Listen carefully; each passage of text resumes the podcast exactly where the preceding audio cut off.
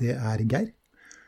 Du, før vi starter dagens episode, så tenkte jeg å si at postcassen vår er sponset av Mindblown, en livsmestringshub. Hold utkikk etter Mindblown på nettet, ok? Så det var det jeg skulle si. Da sveiver vi i gang.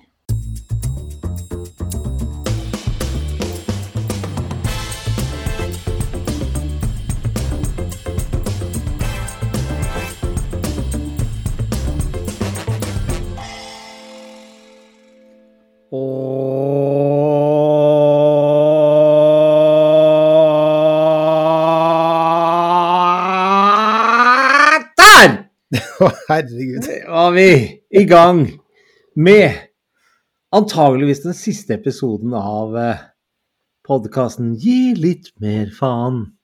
The Postcass. Ja, Det er tenker... den lengste du har dratt den noen gang. Gikk du tom for luft på slutten her, eller har du greid å holde den lenger? Veldig merkelig ting å stille en kamerat et spørsmål så tidlig. Ja. Men nei, det er ikke det lengste jeg har dratt den. Men kanskje i denne podkastsammenhengen her, så er det den lengste tonen jeg har holdt. Det tror jeg også. Det var ny rekord, og det passer jo ganske bra. Episode 73 av Gi litt mer eh, FD Postcast yep. med tittelen The End? spørsmålstegn. Ja. For eh, eh, det er siste episode i dag, Geir. Men Spørsmålstegn. eh, det er spørsmålstegn etterpå. Ja. Eh, Det vi vet, i hvert fall, det er at eh, akkurat nå så er det så mye greier som foregår både hos meg og hos deg, mm. at vi må i det minste sette det her på en relativt lang pause. Og da kan vi like gjerne si at vi avslutter. Og jeg, hvis jeg skal få lov til å snakke litt om det som innledningsvis, da, så tenker jeg også at hva, hvilket annet tidspunkt er bedre å gi seg på enn når man i grunnen er ganske så fornøyd? Eller på topp. Ja, eller ja, kall det hva du vil. Jeg tenkte jeg skulle være litt beskjeden, ja, men, men, eh, men eh, altså, vi har, vi har jo eh, produsert 73 episoder eh, med psykisk helse og livsmestring. Jeg satt og regna på det eh, her forleden. Mhm. Eh, med denne episoden, litt avhengig av hvor lang den blir, da, Ja. så har vi altså da produsert rundt 83 timer sammenhengende eh, prat Skravling. om psykisk helse og livsmestring. Det er nesten Ja. tre og et halvt døgn, det sammenhengende. ja. Uten å sove. Ikke verst! Nei, det Det, det syns jeg det er fullt på høyde med det beste utlandet. Ja, jeg tenker også det. Men vi kan også si at vi diskuterte her før vi gikk på lufta her nå, at skulle være sånn at det til sammen kommer inn over 1 million kroner på 900106, så lager vi det. Ja. Nei, det har ikke noe med penger å gjøre. Nei, det har ikke det. Det, har Det ikke er eh, rett og slett uh, det er et luksusproblem. Ja, det er et luksusproblem. er Samtidig vi- så må vi være ærlig og si at vi også uh, Vi har ikke lyst til å sitte her i 70 episoder til og bare repetere. Nei. Vi må liksom se at vi har Vi syns jo vi har dratt mye, mye, mye mer ut enn det vi hadde våget å tørre å håpet på i utgangspunktet av denne Mm. serien her. I hvert fall jeg. Ja, og det Du var jo ganske overbevist om at det her eh, kunne rusle og gå. Ja, jeg trodde vi i hvert fall skulle vippe 100 episoder. Mm. Mm. Men det kombinert med at, eh, at eh, det er altså for mye Hva skal vi si eh, ting som eh, foreskjer ellers i livene våre for tiden, Mm. så har vi kommet fram til at eh, så langt i hvert fall så blir dette her siste episode. Hvis ikke noe spesielt skjer. Ja. Så kan det jo tenkes da at vi får ånden over oss og lager noen koseepisoder innimellom da, vet du. Ja. Og det kommer jo fremdeles inn e-poster med forslag til eh, tema. Ja. Og, og de fleste skriver sånn Jeg vet at dere skal gi dere noe, men uh, hvis dere skulle komme til å lage noen nye episoder, så ta gjerne opp det og det, osv. Og, og det er jo kjempeålreit, og det håper jeg også folk uh, uh, fortsetter med. Men um, før vi setter i gang Vi må jo holde stilen og hva skal vi Ja. si ja, ja. ja, sånn som vi har pleid å gjøre det. Mm. Så hva har skjedd eh, siden sist med Tommy Steine? Ja, fy flate, det har skjedd mye. Åh? Jeg har jo vært i det store utland og solgt eh, denne familieleiligheten som vi hadde nede i Tyrkia. mhm. Så jeg reiste jo ned forrige uke fra tirsdag til fredag. Um, og tømte da denne leiligheten og ordnet papirer, og det skal jeg si deg at i Tyrkia så er det litt Til de av dere som syns at det er litt byråkratisk i Norge, og så anbefaler jeg dere å ta dere en liten studietur til Tyrkia. Så skjønner dere at eh, det er fullt mulig å sysselsette en 50 60 70 000 nordmenn til med å bare innføre de systemene der nede. Mm. Så det var to heldagsjobber å ordne eh, megler og skjøteoverdragelseskontrakter og oppgjør. Mm. For der vil tyrkiske myndigheter at oppgjørene skal Det er ikke noe klientkonto og sikkerhet og sånne ting der. Eh, egentlig så ville de at jeg skulle sitte på det kontoret, og så skulle nye kunden komme med hele beløpet i sedler. Men det slapp vi altså, da. Så det endte med at det holdt med en bankoverføring. Men de gjør ikke noe uten at jeg sa til de at nå har jeg pengene på min konto. Mhm. Da kan dere overføre skjøtet. Så dro jeg hjem på fredag. Eh, Det var tydeligvis Det var jo ikke fredag 13., men det var, føltes sånn. Og jeg følte at eh, det Eller jeg tenkte at nesten alt som kunne gå galt, gikk galt, bortsett fra at vi, vi holdt oss jo i lufta. da. Ja, det var nå enda godt. Men jeg fløy med Finner. Eh, kom en halvtime for sent av gårde fra Gazipasa, der hvor jeg dro fra. Og når vi kommer opp, så får vi også beskjed om at pga. krigen i Ukraina så blir det en halvtime ekstra omvei. Det resulterte jo da at når jeg da til slutt kom fram på Helsinki Arporti, så løp jeg som en gærning for å rekke flyet mitt til Oslo. Eh, og det var for sikkerhets skyld helt i andre enden av rullebanen, nei, av terminalen. Mhm. Og når jeg kommer dit, så er det ti minutter igjen til flyet går, og de nekter å slippe meg om bord. Oi da. Eh, nej, det går inte. Det är tio minuter kvar bara, vi måste stänga dörrarna. Så da sa jeg ikke akkurat Mina Rakasta Sinnoa, for å si det sånn. Som betyr Jeg elsker deg på finsk. Å, jeg Eh, trodde det var Eisa Peita, jeg. det er ovnen må ikke tildekkes. Å ja, ok. Eh, og vet du hva 1-2 maxitaxi heter eh, på finsk? Jeg vet i hvert fall at Yksi Kaksi er 1-2, eller jeg tror jeg vet Så da blir det yksi kaksi maxi taxi. Skulle Som jeg, okay. det. Eh, som jeg faktisk lagde en sang på en gang sammen med Arja Sayoma. Men det var en digresjon. Eh, Har du Fem, sunget eh, sammen med Arja Sayoma? jeg har hatt med henne i forestilling jeg, i, i mange, mange, mange mange dager. Kødder du? Nice. Det, jeg har fått jobbet sammen med den divaen. Eh, nei, eh, så når jeg da endelig kommer til Gardermoen nesten seks timer senere enn beregnet, så er jo så klart ikke bagasjen min med heller. Nei, var den sendt med første fly, eller kanskje? Nei, for det rakk de ikke. Nei. De rakk til og med ikke andre flyet. Og til og med ikke på lørdagen. Så først på søndagen så kom de med fly fra Helsinki. Men da gjorde jeg en veldig spesiell greie, fordi at jeg hadde vel egentlig trodd at de tingene skulle ta lengre tid å ordne i Tyrkia, så at jeg måtte være der fire-fem dager til. Mhm. Så jeg hadde jo kjøpt med snus på Gardermoen for å dekke de dagene. Så plutselig kom jeg på at jeg har jo ti bokser snus for mye til å gå gjennom tollen. Uh, og mange syns kanskje at det er tåpelig, men da går ikke jeg på grønt. Nei. Så jeg går på rødt, og så sier jeg til tolleren at du, jeg har syndet og vil gjerne betale for det. Og han sier uff da, hva er det du har gjort? Så jeg har med ti bokser snus for mye. Så ser han litt sånn rart på meg, ja, hvor? Nei, de er i kofferten. Ja, men hvor er kofferten? Nei, den har jeg ikke fått. Og så ser han meg, så du sier at du skal fortolle ti bokser snus i en koffert som ikke er ankommet. Ja, men ikke sant, den kommer jo sikkert i morgen eller overmorgen. Så hvis dere da tar den med sånn, eh, sånn snushund, og oppdager at det er ti bokser for mye, så vil jeg heller betale og gjøre opp for meg nå, sånn at jeg ikke blir tatt for å ha gjort noe ulovlig. Det er, jeg må si at du, da er du ærligheten sjøl, Tommy Steine. Ja, men det er faktisk en ganske god følelse, skjønner du. Ja.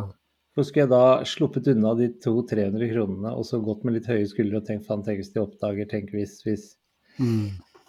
Så kom jeg ut, eh, og så er jeg jo da ja men unnskyld, vent, vent litt nå, vent litt nå.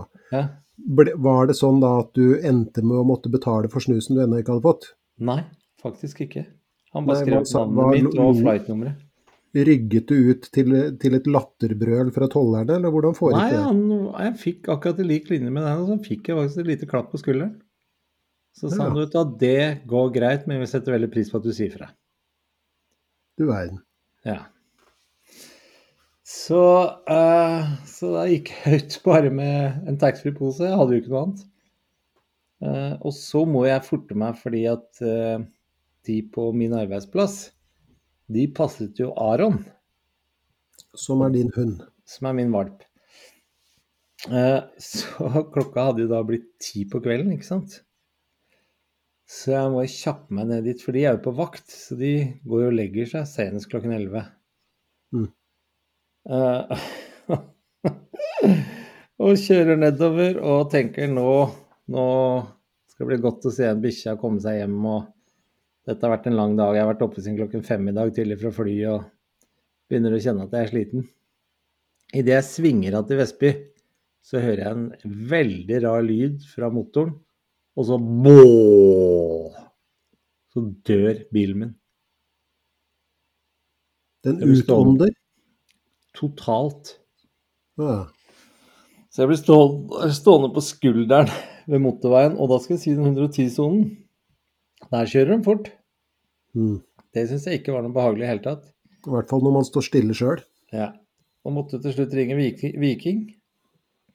Og heldigvis så var de ganske kjappe, så de kom jo allerede ja, før det var gått to timer. Så fikk jeg lånt bil over natten fra jobben, og så kjørte den tilbake dagen etterpå. Så det viste seg at bilen min har hatt totalt motorhavari, da. Så da er den død.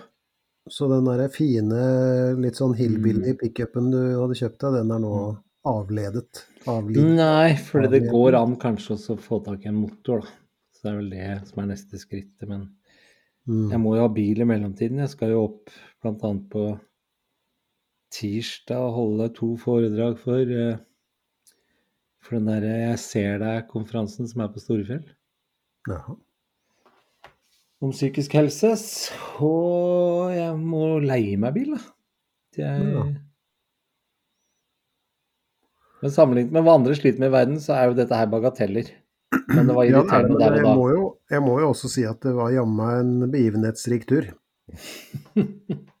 Hvor du fikk testa tålmodigheten. Det var ikke det verste. Du vet jo hvor glad jeg er i å fly. Ja. Og jeg skal fly Finnair, som jeg stoler veldig på. Men jeg skal gå opp eh, flytrappa bak i flyet, for jeg sitter så langt bak. Og før jeg rekker å gå på flytrappa, så kommer disse tyrkerne i refleksvest kjørende med en flytrapp til. Og så er det fire teknikere som går opp på den ved siden av oss som er i ferd med å gå opp i flyet.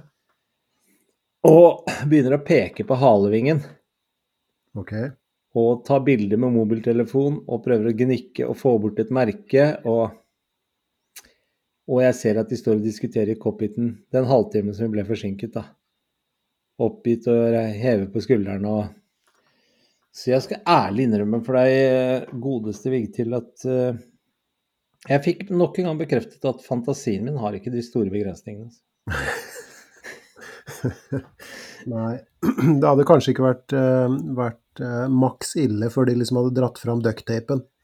Nei, det var eh, Jeg finner det er et solid flyselskap, da, ser jeg Men eh, merkelig du sitter her og snakker i 73 episoder, men det inntreffer av og til enkelte episoder som gjør at man ikke er så rasjonell allikevel. Ja, det, det er bra sikkert. Men så eh, det er noe sånn vi er laget. Ja, så det er litt skuffende å oppdage at jeg er menneske, jeg òg, da. Ja, ja. Det er eh, Jeg, Og den takeoffen var ikke behagelig. Ok. Så Nei. Du, nå, får, nå fikk vi et varsel om at vi har mista connection to server. Jeg lurer kanskje på om at Scenekaster eh, tuller litt, men nå er den gjenoppretta, ser jeg, så ja, da bare Mm. fortsetter vi. da. Ja, jeg ser og hører deg klart og tydelig. Ja, ja, samme her, men så kom det opp det der merkverdige varselet. Ja ja, ok, greit. Vi kjører bare på. Kjører Men bare det var eh, meg, eh, Geir. Hvordan har det vært for deg den tiden fram siden sist? Jo, nei, altså onkelen min ga meg en ring, da. Ja. Her forleden som viste seg å være eh, magisk. Sånn at jeg måtte ta med meg noen kompiser og kaste den i Dobbenagsfjellet. Og det var litt av en tur. Eh, fordi at eh, den ringen det til, den tilhørte en eh, fyrste som het eh, Sauron. Eh, så, så det har skjedd i mitt liv. Og hadde jeg vært en sånn nerd som deg og sett 'Ringenes herre' 100 ganger, så hadde jeg jo tatt referansene med en gang. Ja, du hadde det. Jeg prøvde bare å toppe historien din, men jeg beklager, jeg kan ikke det. Det har skjedd. Nei, det er ikke å beklage, du er jo kjempeglad for at du ikke kan det. Ja, ja, det er jo for så vidt uh, sant, det, da. Men det Nå var skal jo- du snart reise langt sjøl, så da får du smake på det. Det skal jeg jo. Jeg håper jo for så vidt ikke at jeg opplever flyteknikere som står og lyser på halen. For eh, jeg også må jo Jeg må jo si at jeg føler meg aldri så menneskelig, eller så nær Gud, som når jeg er ute og flyr. Det stemmer nok òg. Ja, ja for, så vidt. Bokstavelig talt. eh, I Mm. den forstand at, eh, at det, det er en person som bor oppå en sky, eller noe i den retninga der. Men nei da, vi skal eh, Vegard og jeg skal ut og reise så langt som vi aldri har reist før. Vi skal til Australien, Som alle som mennesker drømmer om. Som er et sagnomsust eh, land med de mest forferdelige dyr og insekter på andre siden av eh, jorda. Altså, jeg mener, fins det farligere land i verden? Det lurer jeg på. Altså, Alt som flyr og kryper og går og svømmer og sånn på det der, i det landet der, er jo søren hakke meg livsfarlig. ja. Men vi skal ned og besøke uh, dattera, da. ja, ja. som studerer der nede, og som nærmer seg slutten av sin, uh, sitt ja, i hvert fall da, dette studieoppholdet, så får vi nå se hva vi finner på etterpå. Men, men uh, vi reiser da ned, og da flyr vi jo fra Oslo til Dubai i, i Midtøsten, og da blir, får jeg også litt høye skuldre. Og så, og så skal vi jo da sitte 14 timer på verdens største passasjerfly nedover mot, uh, mot Australien, dette livsfarlige kontinentet. ja. Men du, en her- artig, artig digresjon. Unnskyld at jeg avbryter deg. Ja, det går bra. Men det var så rart du, du sier det, for alle tenker det med Australia. Eh, På lørdag så var jeg da i lånt bil på jobb i Skien. Eh, Som har en venninne av meg som heter Katrine, som, har noe, som driver et barnehjem i Filippinene. Så hun har et sånn veldedighetsarrangement for å samle inn penger til barnehjemmet. Mm.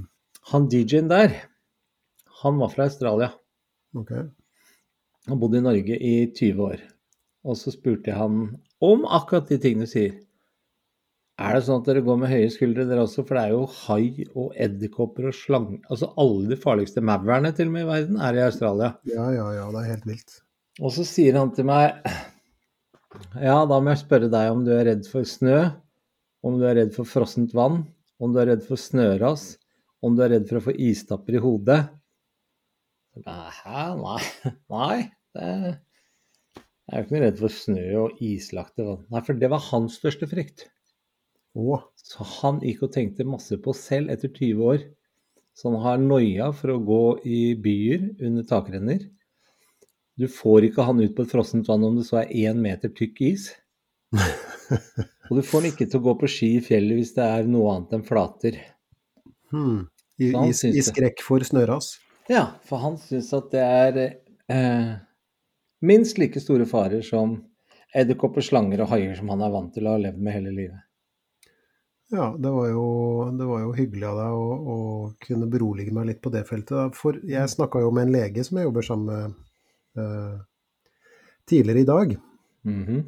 Hun hadde vært på tur i Australia og hadde vært på et eller annet sånn, en av de hippiestedene der, der nede og festa og sånt som er, og hadde da vakla ut i Vært i telt, av alle ting. Oi. Og du kunne ikke ha betalt meg for å ligge i telt i Australia, men, eh, men i hvert fall det gjorde de. Og, og hun vakler ut eh, etter en kanskje litt fuktig kveld og skal ut og tisse i skogen. Og går seg på en edderkopp på størrelse med en middels søppelbil. Eh, og, og så begynner dingoene, altså sånne ulveaktige hunder, å flakke rundt teltet Ja. utpå natta. Og, og, så det var en litt sånn motsatt uh, historie, da. Men for, for så vidt, altså Dattera mi har jo vært der nede nå i nærmere et halvår og, og har jo ikke de helt store Hun har ikke hatt den helt store nærkontakten med dyrelivet, da. Nei, hun har ikke det. Men de var i Cairns uh, for, uh, ja, la oss si en uke siden, som er lenger nord, og dermed litt mer sånn tropisk. Og der sto det altså skilt på badestranda med bilde av maneter Ja. og saltvannskrokodiller. ja. Bading på eget ansvar. Og det kan jeg fortelle, Tommy Steine, Mm. at jeg hadde ikke lagt meg ned på den stranda der. Det kan du være helt sikker på. Var det ikke? Nei, der hadde jeg hatt trusselfokus og sittet i nærmeste palme. Hvor det for så vidt også er noen av de farligste mammaene lever. Så da hadde jeg ikke sittet der heller. Nei. Nei. Nei, men det høres ut som dette er et veldig, veld, veldig nøye gjennomtenkt og veloverveid sted å dra på ferie til for herr Vigtil. Ja, men eh, kjærligheten til min datter eh, oppveier alt det der, så det, og det sier jo en del. Ja, ja. Ja. Definitivt. Så ja da. Nei da, så det, og så har vi jo da kjøpt oss kompresjonsstrømper, og vi tar blodfortynnende og all verdens Her, her tar vi høyde for alt. Så nå, kjære lyttere, her kommer alle nevrosene fram. Så ikke tenk på det. Av en eller annen grunn så føler jeg at vi er litt eldre nå enn når vi starta med den podkasten her. Ja. Vi snakka ikke om støttestrømper og blodfortynnende den gangen. Nei, men altså, støttestrømper er jo lurt. Ja. Eh, om, om ikke i hverdagen, så på flyreiser over en sånn eh, fem-seks timer, så bør du faktisk ha det. ja. Eh, fordi at eh, faren for eh, dyp venetrombose er jo der. Ja, det er det. Og i den der tørre flylufta, og du sitter mye stille, og kanskje tar du deg et glass vin og, og alt mulig sånt som her, ikke sant. Og så nei. Så det det er lurt. Det er, yeah. Det er eh, forebyggende. Så det er lurt. Men jeg må jo også si at jeg har litt sånn 90-åring-vibber. Men jeg har tenkt å svelge den eh, stoltheten og dra på meg disse lekre, tynne, sorte, silkeaktige støttestrømpene, da. Men jeg skal ha lange eh, benklær over, sånn at ingen ser det. Så det går nok bra. Og rent bortsett fra det, så er det jo Nå går jo mye av tida til eh, det som jeg snakka om i de par siste episodene nå, altså det å digitalisere dette kursopplegget som er utvikla. Og så Mhm. har jeg hatt litt sånn uh, halvnoia, fordi at vi har, jeg har jo kalt det KIPS, ja. Kurs i praktisk stresshåndtering, ikke sant. Og så har jeg liksom ikke greid å fri meg fra tanken på at det høres litt sånn uh, Unnskyld at jeg sier det, litt sånn fylkeskommunalt ut. Nei. Nei, så da har jeg brukt eh, ikke ubetydelig tid på å forsøke å finne et navn til det her, og det vi har endt opp på er Og det er jo litt sånn hipt og moderne og sånt, da, men, men eh, det blir hashtag livet. Uh! Way! Livet, jo, ass. ja, men det er litt, jeg er litt fornøyd med det, egentlig. Ja, og så er, det, det er veldig bra. så er undertittelen 'Kurs i praktisk stresshåndtering', da. Jeg syns det er veldig bra. Og det begynner å bli Unnskyld at jeg sier det sjøl, men det begynner å bli veldig, veldig bra.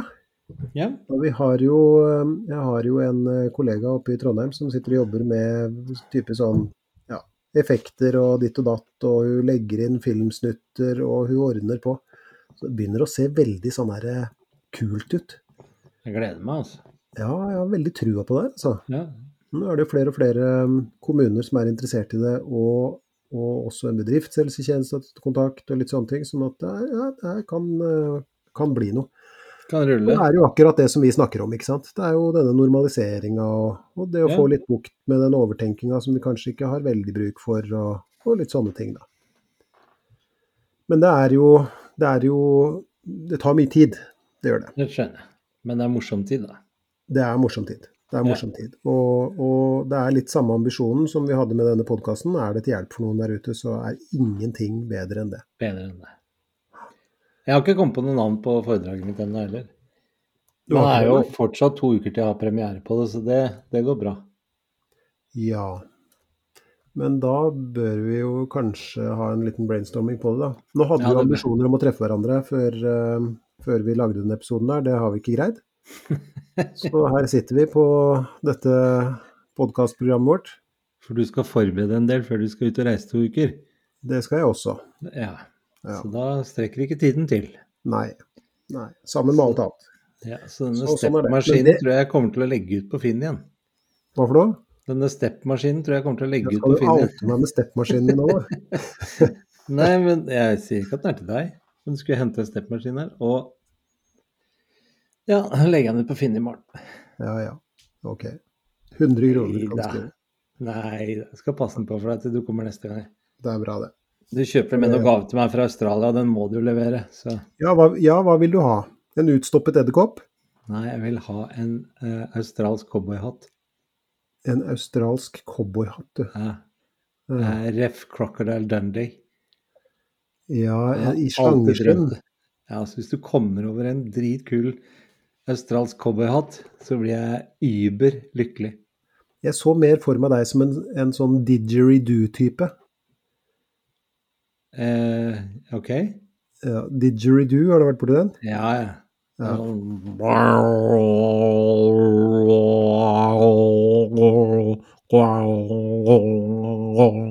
Ja, utmerket imitasjon av didgeridoo. Ja, var det ikke det? Da sparer jeg litt håndbagasje på det. Så da får Gjør det bli en, sl- slangeskinnshatt på deg. Ah, det er gull. Men du, har vi fått noen mailer til, dette siste, til denne siste episoden, da? Vi har det, og, ikke, ikke, ikke så få heller, hadde jeg nær sagt. Og så hyggelig, da. Men, eh, men vi har fått spesielt én som jeg tror kanskje vi skal eh, Vi skal avslutte med. Fordi at vi har jo hatt litt eh, e-poster innimellom, og det, og det Eller tatt opp noen e-poster innimellom, og det syns jeg er veldig ålreit. For det er jo Det er noe med å få innblikk i levde liv. Mm -hmm. uh, og det er jo også Altså alle som lever et liv, kan kjenne seg igjen i de levde livene, hadde jeg nær sagt. Mm -hmm. uh, Så jeg tenkte kanskje at vi skulle For det er en person som har spurt om litt sånn våre betraktninger, og det syns jeg jo beint frem er, er rørende. Eh, Så jeg tenkte at vi skulle ta opp en e-post. Denne e-posten her er da så da grovt anonymisert. Eh, Vedkommende var jo redd for å bli kjent igjen, selvfølgelig, som de fleste skulle være på. Den annen side, det her er jo en, en historie om et liv på en måte, og, og, og det her er jo noe som alle vil kjenne seg igjen i, så sånn sett så er det jo litt sånn allmenngyldig, da. Ja. Jeg tenkte vi kunne se litt på det um, som en, en slags sånn avslutning. Ja, til slutt i episoden? Hva? Helt til slutt i episoden, eller? Nei, vi har litt andre ting å snakke om også. Ja, ja. Så vi tar den først nå, og så Vi tar den først. Ja, OK. Da Ja. leser du opp, da. Ja, det gjør jeg. Eller det vil si, jeg skal ikke lese opp, men jeg skal gi en slags sånn uh, Gjenfortelling. av den. Ja. Så dette er da altså en person som beskriver å etter en tid har kommet seg ut av det som eh, denne personen da beskriver som et dårlig forhold. ja. Så vet vi ikke hva som ligger i det, men, men det er jo greit nok. Altså et, Mm. et ikke tilfredsstillende forhold. da. Så opplever da vedkommende at når det forholdet avsluttes, så smeller covid inn. Med den isoleringa som vi aldri, alle opplevde på den tida der. Og personen beskriver da en oppblomstring av sosial engstelse og en, en følelse av nedstemthet, som også ble forsterka av at det var jo ikke bare den kjærlighetsrelasjonen som gikk tapt, men, men det var også en del sånn relasjoner ellers som gikk tapt, av type vennegjeng og sånt noe. ja, ja, så klart. Og så beskriver eh, vedkommende en, i etterkant av det her, da, en oppblomstring av overtenking.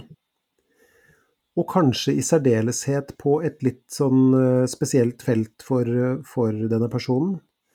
Eh, Vedkommende går inn i ganske sånn det som høres ut som i hvert fall ganske omfattende grublerier om sin egen seksuelle legning. Ja. Så denne personen da begynner å tenke liker jeg gutter, liker jeg jenter, liker jeg begge deler, og bruker veldig mye tid på det. Og begynner liksom miste litt sånn tiltro til sine egne tanker, gransker hukommelsen sin, type sånn har jeg noen gang likt noen av samme kjønn, eh, kan jeg stole på det jeg tenker om det og de erfaringene jeg har gjort meg, på en måte. Eh, så det har vedkommende da med seg ut ifra ut fra det som skjedde under sant, covid osv. Og, og så beskriver da denne personen en, en, en frykt for framtiden og en, en, sånn grunnleggende usikkerhet knytta til eh, sin egen eh, framtid. En, en, usikkerhet som er så omfattende at det oppleves som veldig sånn tyngende. Og spør eh, hva i huleste er det som foregår, og er det noe man kan gjøre med det her, eller går det an å tenke på noen spesiell måte om det her? Og det tenkte jeg kanskje vi skulle se litt sånn nærmere på, da. Mm. Eh, og mens jeg satt og, og, og tenkte litt rundt denne denne e-posten, så, så gjorde jeg jo Jeg gjorde meg jo mine tanker om det som eh, hadde skjedd, på et vis. Og, og jeg vet ikke hva du tenker om det, men vedkommende beskriver da at, at denne personen da avslutter et uh, Ok, greit, bruker adjektivet dårlig, men det er likevel avslutningen av et forhold. Altså det er da et relasjonsbrudd, om vi kan kalle det det. Det mm. er uansett Kall det den opplevde kvaliteten på forholdet, så er det likevel et, så, et sånt relasjonstap, da, om vi kan kalle det det. ikke sant? Mm. Og så kommer jo covid, som vi, de fleste av oss opplevde som ganske sånn skremmende og ensomt og i det hele tatt. Mm. Um, og, og, denne personen beskriver jo også da å miste også en vennekrets her, ikke sant. Mm. Og det er jo, i mitt hode i hvert fall, så er det ikke veldig rart at vedkommende syns at det her er vanskelig. Nei, overhodet ikke. Det er jo yatzy, dette her. Hvordan da? Nei, altså, det er bare et uttrykk for uh, alt kommer på en gang. Alt kommer på en gang. Mm. Og, det, og, det, er faktisk ikke første jeg snakker med som Det har faktisk vært opptil flere jeg har snakket med som har vært, som har vært i den situasjonen der hvor det er uh, et brudd rett i forkant av korona. Mm -hmm. uh, og når man da, etter et forhold, jo har kanskje et litt større behov for sosialisering enn ellers for å treffe nye, ikke sitte hjemme og tenke og gruble var det riktig valg? Hadde jeg det egentlig bedre? Hva gjør han, hun nå? Har hun, han, hun truffet ny? Alle tingene der. Så har man et større behov for å ut og treffe andre og, eh, og begynne da sitt i anførselstegn nye liv. Og så kommer koronaen mm. og tar fra oss den muligheten. Og én ting er at vi er mange som var til tider isolerte, og, og eh, veldig mange satt aleine.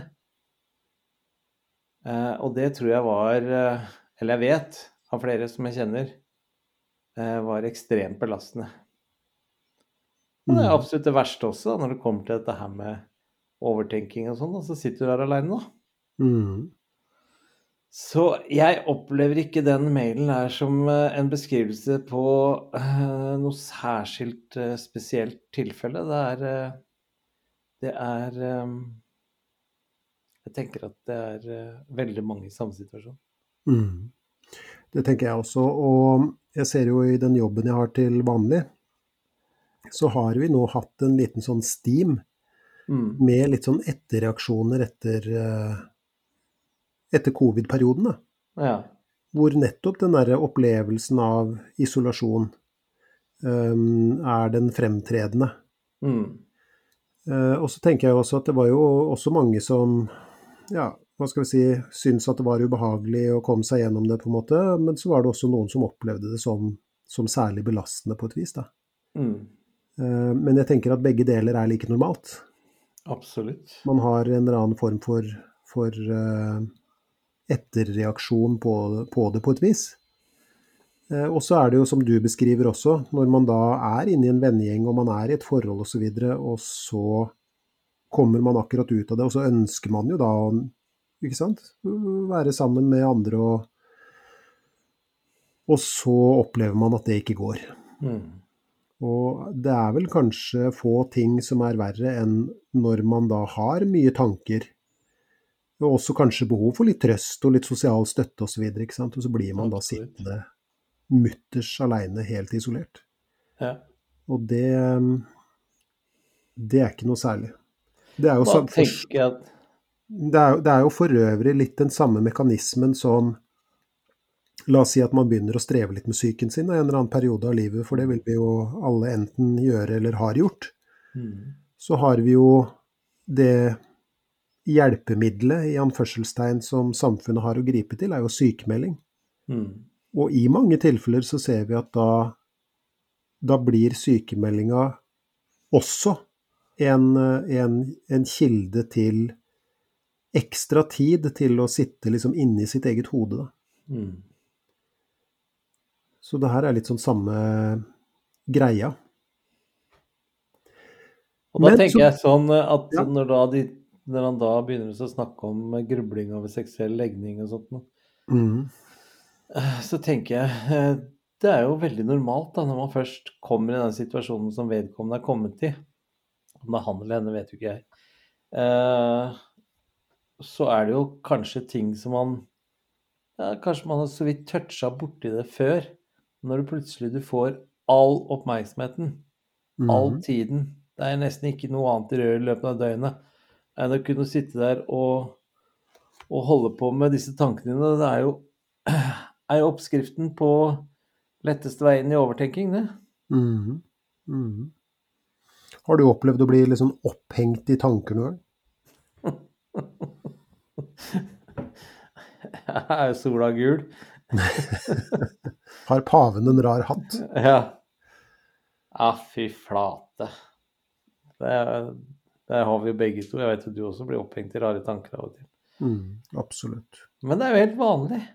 Vi har Mm. mange Altså, hva er det for noe, Geir? Jeg mener, jeg husker du skrev i boka det er et sted mellom hva er det, mellom 5000 og 75 000 automatiske tanker som kommer hver dag Mm. eh, på et vanlig oppegående menneske. Og det, det er jo ikke rart at noen tusen av de tankene er relativt rare. Mm. Eh, du har jo faktisk sittet på en togstasjon og tenkt hva skjer hvis jeg dytter en gammel dame ned i togsporet? Ja, absolutt. Det har jeg. Ikke sant? Jeg har Ja. sittet i, begravelse, som er forferdelig trist, og tenkt på hva er det presten har under kjolen. Mm. Ikke sant? Så det at de tankene kommer, det vet jo jeg best av hele verden, holdt jeg på å si, at eh, det får jeg ikke gjort noe med. Mm. Men eh, det jeg får gjort noe med, er jo hvor mye oppmerksomhet jeg gir de tankene. Mm. Og hvor er- hensiktsmessig er det å gi det oppmerksomhet? Ja, og da er vi jo inne på, på det vi for så vidt har hatt som en sånn rød tråd gjennom, gjennom hele podkasten på et vis. Og det er jo, Mm. er jo den eh, Hva skal vi si, da? Um, den tankegangen eller den holdningen til tanker og følelser som metakognitiv terapi inviterer til. Mm. Eh, dette med at vi kan bli opphengt i, i forskjellige tanker. Jeg skal komme litt tilbake til det. Men, men så kan man jo også tenke at altså vi, kan, vi blir jo ofte opphengt i tanker som vi vurderer som viktige på et vis. Mm. Og denne personen har hengt seg opp i tanker om sin seksuelle legning. Mm. eh, Som jo er et, eh, er et av hundrevis av temaer som vi for så vidt da kan, kan henge oss uh, opp i. Mm. Men likevel, da, hvis vi liksom skal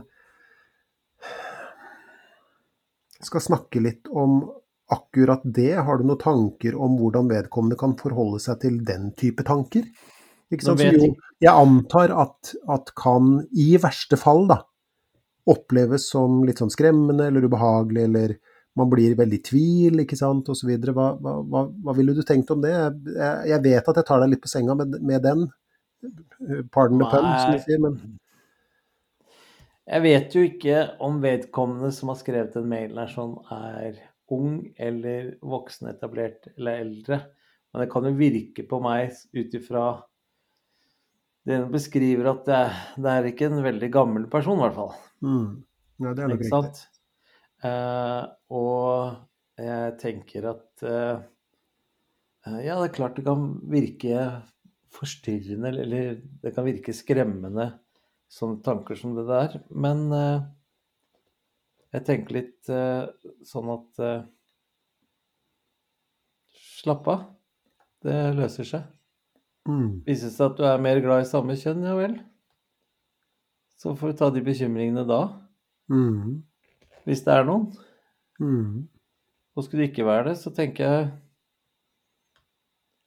Det der vil jo, det der vil jo vise seg før eller seinere på en eller annen måte. Mm. Og så er det jo Jeg har jo jobbet sammen uten å, å uh, Jo, det kan, det kan jeg gjøre. Uh, jeg jobbet jo sammen med Jan Werner Danielsen, den vakreste stemmen som noensinne har vært i Norge. Og han fikk veldig mye sånn beskyldninger og spørsmål. Er du homofil? Er du bifil? Er du Ikke sant? Mm. Uh, og han svarte like fantastisk hver gang, syns jeg. Han sa eh, at så klart er det privat. Men til også kjenten så, sa jeg- så sa han Jeg har egentlig aldri kategorisert eh, det der i hele tatt. Jeg forelsker meg i personer. Mm.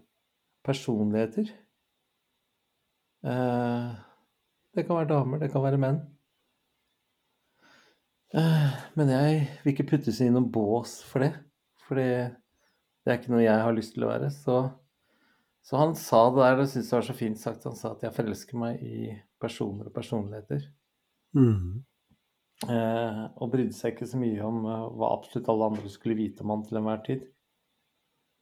Så jeg har lyst til å si til denne vedkommende at eh, dette ordner seg. Mm.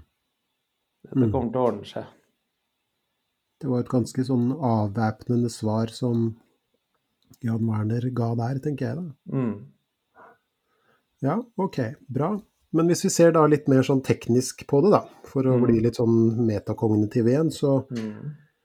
så har vi jo, hvis man da går tilbake i våre um, arkiver, så Mm. har vi jo noen episoder som er veldig sånn via til dette temaet, blant Mm. til et fenomen som vi kaller KAS. Og som er det som skjer når vi blir veldig opphengt i en viss type tanker og følelser, og hvor vi bruker veldig mye tid Mm. og vier veldig mye oppmerksomhet til en viss, uh, viss type uh, tenking. Det å, å henge seg opp i en tanke som vi vurderer som viktig, Mm. og det å drive og, og ja, i mangel av et bedre ord, da, gnure på disse tankene Mm. det vi kan kalle eh, overtenking. Og der har jo alle mennesker har den erfaringa. Absolutt. Og jeg vet også at du eh, har vært der.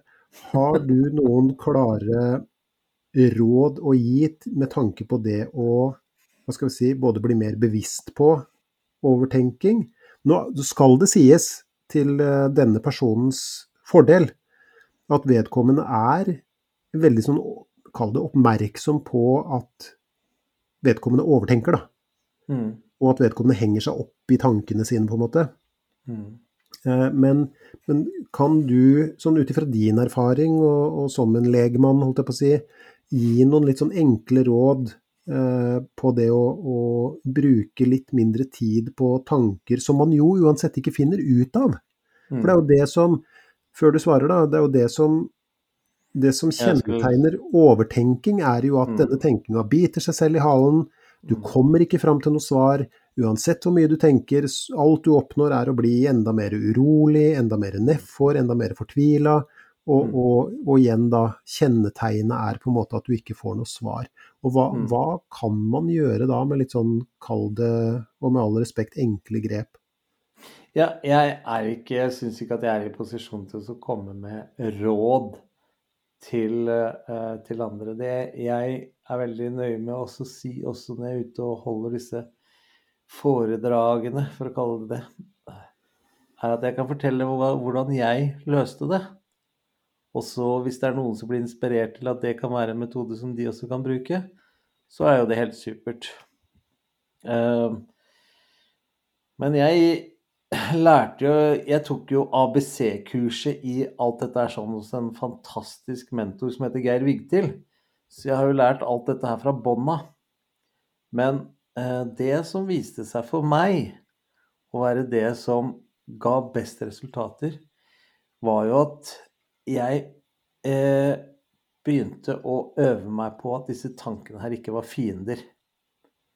At det ikke var livsfarlig når de tankene kom. Eh, og jeg vet ikke hvor mange ganger du har sagt til meg, Geir, eh, det er bare tanker. Eh, og det begynte jeg å øve meg på. Og så begynte jeg å øve meg på at jeg ønsket de velkommen, og gjorde en avtale med de. Jeg har ikke tid til å tenke på det nå. Nå er jeg på jobb, jeg er sammen med folk, jeg sitter i bilen. Vi får møtes. Og så hadde jeg et fast tidspunkt. Jeg hadde kvart over åtte om kvelden. Mhm.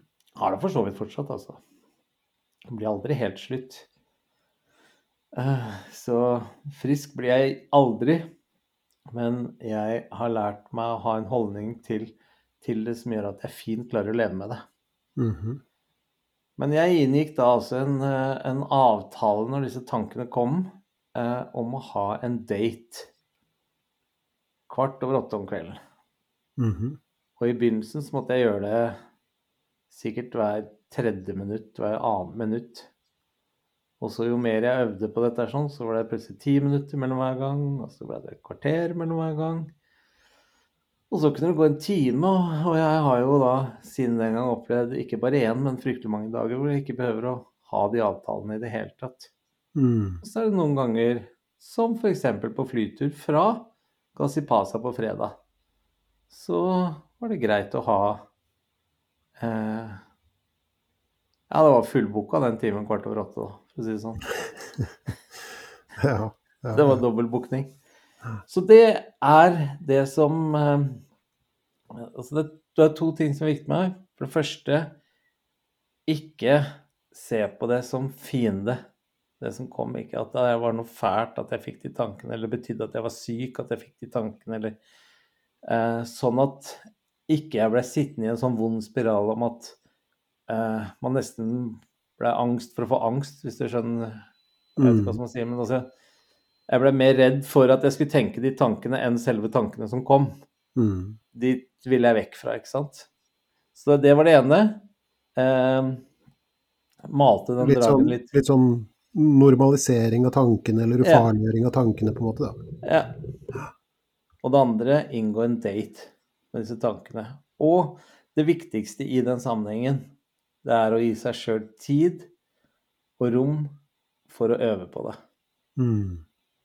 For det er ingenting av dette som kommer over natta. Men det gikk mye raskere å ha en progresjon på det enn det jeg hadde trodd på forhånd. Mm. Mm. Og det er jo metakognitivt, sier du. Vi har jo snakket om de store, store filosofene, stoikerne. De hadde på en måte en av de samme grunnfilosofiene, de også. Bruk krefter og energi på det du kan kontrollere. Mm. Ikke bruk krefter og energi på det du ikke kan kontrollere. Altså i den sammenhengen her kan du ikke kontrollere at de tankene kommer, men du kan kontrollere når og hvor mye oppmerksomhet du skal gi dem. Mm. Mm. Og det oppnår man gjennom øvelse. Øvelse, øvelse, øvelse. Og bevissthet, på et vis. da. Ja, jeg, Og jeg tenker jo at det er jo denne personens fordel. ja, At vedkommende faktisk i denne e-posten skriver noe om at, at eh, denne personen forstår at dette er et slags sånn oppheng. mm, Og det er jo jaggu meg ikke bare et første skritt, men det er et veldig stort skritt på et Ja. vis. Ikke sant? Det er en veldig god start, en veldig god sånn grunnmur ja. for å starte å bygge på det på den måten du, du beskriver. Da. Det bringer jo oss på en måte litt over i, i det Jeg bare får legge til en ting Ja. der, sånn. Fordi i dette nye foredraget så har jo jeg prøvd å finne meg en beskrivelse på den modellen, eller den holdningen, som jeg har lært meg opp til. Og hold deg fast. Eh, og hvis du skal flire, så slå av mikrofonen. Eh, men jeg har laget meg da en modell som jeg kaller basemodellen. Ok. Ba, er- vase eller base? Jeg visste du Base!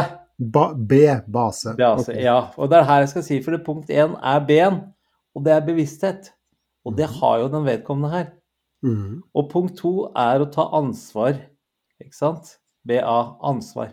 Og det gjør jo vedkommende. Han tar jo et ansvar for at han har den overtenkinga, han er bevisst på det, og han sender også en mail. Og så er det tredje punktet, det du spurte meg om nå, det er det her med styrt oppmerksomhet på tankene. Mhm. Og det fjerde er én som er evaluere det. Sånn at Å ja, det var sånn jeg gjorde det da. Da gjør jeg det sånn nå også. Så det har jeg laget en Ja, altså, ok, greit. Så, ja, men det her høres jo bra ut, syns jeg. Eh, Jeg håper men, men, men bare for, forklar litt mer det siste punktet. Altså, evaluering, tenker du da Altså for det som jeg liksom hører opp i mitt hode, da. Men jeg har jo tross alt mine ører og min hjerne å lytte med. Men Ja. innenfor uh, metakognitiv terapi, da, så har man Mhm. ofte no, eller så har man noe som kalles gammel plan, ny plan. Mm. Det vil da si at ok, sånn gjorde jeg det før, sånn forholdt jeg meg til tankene hvis, eller, og følelsene for så vidt. Da. La oss si at jeg fikk en litt sånn dårlig følelse. eh, Så forholdt jeg meg til den på den måten at jeg måtte finne ut av følelsen, og jeg måtte liksom analysere den og gruble på den og, og sånt noe. Ofte med det målet at den liksom skulle forsvinne. Den nye planen er at vel, vel, greit, den følelsen får bare være der. Jeg orker ikke å gå inn i det, for jeg prøvde 10 000 ganger, det virker åpenbart ikke. Altså, Er det noe i den retninga, eller hva legger du i det med å evaluere? Ja, på én måte, men på en annen måte ikke. Fordi det som er, har vært viktig for meg, er å få de tingene her inn i mitt liv, i mitt hode, i, mine, i min holdning, da. Mm. Ikke sant? Og jeg elsker at du har vært veldig nøye på å si til meg gjentatte ganger at det handler om holdning, det handler ikke om verktøy eller tips eller råd, ikke sant. Mm. Og for meg så er det sånn at jeg har jo erfart nå gjennom fem-seks år hvordan jeg kan øve på de tingene der sånn, og hvordan den til slutt slipper da, ikke sant, den makta over meg, den tanken. Mm. Så når jeg da får en ny negativ tanke som jeg behandler på samme måte, B, A, S og så til slutt 1, så må jeg evaluere for meg sjøl. Hvordan var det, det du gjorde dette forrige gang? Var det på den måten? Ja, det var på den måten. Hvordan gikk det da? Jo, det gikk bra. Ok, da går det bra den gangen her også. Ja, okay. På samme måte som jeg sitter i et fly, så sitter jeg Så får jeg angsten det blir turbulens. Så kan jeg evaluere for meg sjøl. Har du opplevd lignende turbulens før? Ja. Hvordan gikk det da? Jo, da gikk det bra. Ja vel, da går det bra nå. Mhm. Sånn at når jeg har vært igjennom å gjøre meg bevisst på hva jeg sliter med, eller tenker eller overtenker, tar ansvar for at det er jeg som gjør det, og styrer hvor mye oppmerksomhet jeg skal gi det, så jeg har også behov for å evaluere, på en måte sette en punktum for den, i mangel på et bedre ord, behandlingen som jeg har gitt meg sjøl, da. Ja, ja, ok. Så for å bli litt sånn eh, ekstra nerdete, da, så kan man jo egentlig da Eller for å bruke et annet ord på det. Mm. Det som du kaller evaluering, kan vi også da på en måte kalle empiri, da. Ja. Det vil da si at jeg har data på at denne måten å forholde meg til det hele på er noe som er til min fordel, eller som fungerer Mm. bra for meg. Mm. Ergo så, så velger jeg denne måten å gjøre det på denne gangen også. ja. Ja. Fordi det jeg oppdager, er at noen ganger når jeg kommer til den biten, og så ser jeg har jeg styrt oppmerksomheten min og øvd på det? Har jeg Mm. tatt ansvar for det? Har jeg vært bevisst på det? Og hvis jeg da fortsatt At det fortsatt lugger, da, så kan det være at jeg har gleppet enten i en av de tre andre fasene. Og så Mm. OK, da er det back to, to square. Gjør det en gang til. Mm. Mm. Hm. Ja, ikke dumt. Men det her klinger jo litt inn i neste altså, Som sagt, da jeg satt og leste denne mailen, så delte jeg den på en måte i tre. Mm. Eh, Og det tredje punktet, altså det med at vedkommende beskriver at denne personen da lever med en frykt for fremtiden, opplever usikkerhet eh, med tanke på sin egen fremtid, ikke sant. Altså hva vil skje med meg, hvordan skal jeg håndtere livet? Mm. Nå blir det jo litt mer sånn gjetting for så vidt, men, men det er nok antagelig noe i den retninga, da. Mm. Eh, Så, så tenker jeg jo at, og igjen i lys av ja, både menneskelig fungering og, og, og sånn og, Hva skal vi si Sånn som man tenker om menneskelig fungering innenfor, kall det det metakognitive feltet, og for så vidt også stoisismen, som vi også er ganske glad i, Mm. eh, så er det sånn at hvis det er én ting som får oss mennesker til å kanskje reagere litt sånn sterkt emosjonelt, og for så vidt også, eller altså følelsesmessig, og, og for så vidt også sånn tankemessig, så er det det at, at vi, når vi står overfor usikkerhet, eh, uforutsigbarhet, uoversiktlighet, så har vi en tendens til å reagere på det. Mm. Um, og en av hjernens hovedoppgaver er jo å holde oss unna trøbbel, eller holde seg selv unna trøbbel på et vis, da. Mm. Og dermed så, så, har hjernen vår en tendens til å begynne å simulere scenarioer og se for seg ting som kan gå galt. Mm. Altså hadde hjernen hatt den egenskapen, og den egenskapen hadde antagelig vært ganske ulykksalig, fordi at hvis, den, hvis hjernen hadde hatt den egenskapen at den bare så for seg gull og glitter og, og jordbær og kremfløte, liksom, så hadde vi jo antagelig gjort idiotiske ting hele tida og, og, valsa ut i farer og, og, alt som er, ikke sant. Og, men, men, når hjernen da serverer oss katastrofale scenarioer gang på gang, mm. Eh, så, så kan man eh, hva skal jeg si, ganske raskt havne i en situasjon hvor man blir mer urolig, noe som stimulerer enda mer overtenking, og så blir man enda mer urolig, og så fanges man på en måte i en sånn eh, ond spiral på et vis. Mm. Fordi at livet er fullt av, av X-faktorer. Det er jo veldig få ting vi har noe, noe, påvirkning på i det hele tatt. Det er jo litt mm. som eh, en kar som eh, de fleste har et forhold til i våre dager. Altså han eh, Ingvar Wilhelmsen sier ikke sant, at mm. du kan bli påkjørt med kroppen full av antioksidanter, og det er jo, det er jo faktisk sant. Mm. Jeg trener jo f.eks., og, og det er ganske aktivt, for å ha en kropp som fungerer inn i alderdommen, på en måte. Men poenget er at jeg har jo ingen garantier. Nei. Ingen har noen garantier for de neste ti sekundene, og det er jo det som er kanskje det som er litt sånn kjipt på en måte ved å være menneske. ikke sant? At vi ikke har noe oversikt, og, og vi må bare gjøre vårt beste og, og, og nærmest ta sjansen, da. Mm. Som det het på NRK i gamle dager. Um, jeg tror det hadde vært veldig kjedelig liv hvis det ikke var sånn. Ja, tenker du det? Hvorfor det? Jeg tror vi hadde dødd av kjedsomhet hvis du visste til enhver tid hva som kom til å skje. Mm. Mm. Det Ja, det, det ville jeg ikke vite. Man kan se på det som en del av uroen at vi, det er så lite som er garanti, at man må være villig til å være dødelig. Men jeg synes nå i hvert fall at det er også noe av sjarmen med livet. da. Mm. Det, Fordi vært... det er jo ikke bare negative ting som skjer, det er jo ekstremt mye positive ting som skjer. Ja, ja. De vet du heller ikke om. Nei, det er jo for så vidt sant. Så du kan bli truffet av en bil eh, i morgen når du går tur med bikkja. Men de kan Mm. også ringe fra, fra Lotto på Hamar. I dag er det vel noen som vinner over en milliard i trekninga. Så eh, jeg tror hvis jeg kunne få lov å velge, så ville jeg fortsatt ha det sånn at jeg ikke vet. Så vi, vi, driver jo og kartlegger genene våre, og vi holder på, ikke sant. Og la oss nå anta da at vi kom til det punktet hvor man med sikkerhet kunne forutsi at uh, i den og den alderen så vil du få den og den sykdommen, og det ser ut til at du har gener som gjør at du kan leve så og så lenge osv. Vil, du, vil du visst det? Overhodet ikke. Hvorfor ikke? Nei, for det er akkurat som jeg sa til deg, det er jo noe av Ja, det er noe av dritten og det kjipe med å leve at vi har så mye usikkerhet, men det er jaggu noe av sjarmen også. Mm -hmm. Mm -hmm. Er, uh, uh, jeg tror hvis jeg hadde visst til enhver tid hva som kom til å skje, så tror jeg at jeg ikke hadde strukket meg sjøl. Jeg tror ikke jeg hadde prøvd på ting. Jeg hadde ikke tillært meg nye Jeg hadde ikke skaffet meg nye erfaringer. Jeg har ikke hatt noe behov for å treffe nye mennesker prøve nye ting, lage podkast som aldri har gjort før. Ingenting av det hadde jeg da hatt noe som helst behov for. Mm. Hvis noen skulle fortelle meg sånn, ja, du må gjerne prøve podkast, men da har vi sjekka etter podkastepisode nummer 11, så kommer du til å legge ned. Mm. Da hadde jeg ikke begynt på nummer én engang.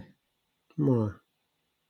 Så det er så mye i livet jeg hadde Tror jeg Altså, dette her blir jo bare en rein hypotese, men Nei, jeg ville ikke visst. Men det er jo mange som Altså For det første, det er jo en fellesmenneskelig skjebne, tenker jeg, det å, å leve med livets X-faktorer og den usikkerheten som, som livet innebærer. Da. Altså, vi vet ikke noe om vår egen skjebne og hvordan livet vårt vil utvikle seg osv. Men har du noen tanker om hvordan man Altså, usikkerheten får man ikke redusert. I hvert fall ikke gjennom å tenke på det. Nei. Ikke sant? Altså Uansett hvor mye man tenker, så, så vil man jo ikke bli mer sikker på noe som helst. Tvert imot, faktisk. ikke sant? Det Mm. viser seg jo at folk som bruker veldig mye tid på å tenke på usikkerhet, bare blir mer og mer usikre. ikke sant? Men, men da er jo kanskje et sånn naturlig spørsmål da, så hvis vi da ikke kan fjerne den følelsen som vi syns er ubehagelig, ikke sant? Mhm. den følelsen av usikkerhet, gjennom å overtenke på det, så hvis vi kan fjerne den med, med den, kalde fremgangsmåten eller tilnærminga, da, så er det jo også da visse ting som tyder på at vi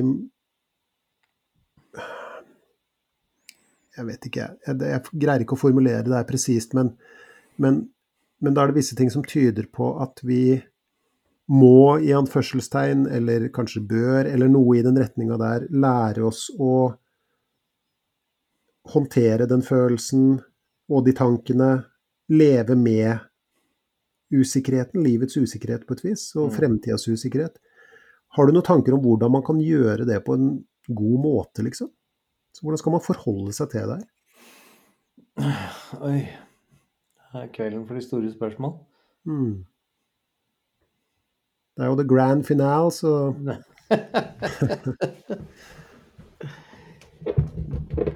Nei, jeg Igjen uten talent. Jeg kan jo bare fortelle om hvordan jeg gjør det. mm. Uh, og jeg på ingen måte påberoper meg å ha fasiten. Men i likhet med de andre tingene som vi snakka om i stad, så øver jeg på å ikke bruke så mye tid og ressurser og energi på å ha de tankene. Jeg gir ikke de tankene mine så utrolig mye oppmerksomhet at det gjør noe. Men det her er jo ikke Det her er jo bare for å bryte inn, da. Mm. Det her er jo nødvendigvis ikke bare tanker, det er, men det er jo følelser også. Og følelser kan jo være ganske påtrengende og vonde, og det er liksom de vi på en måte? Man tenker jo ofte at tanker utløser følelser, og følelser forsterker tanker, ikke sant. Men, men ofte er det jo den følelsen vi har, den derre kloen i mellomgulvet, den derre liksom glødende svarte klumpen, den derre isnende følelsen, ikke sant. Ja. Men det er mulig jeg ikke er klok nok til å forstå rekkevidden av akkurat de tingene du sier nå. Det er jo høyst sannsynlig. Men for meg, så når jeg kjenner den klumpen og den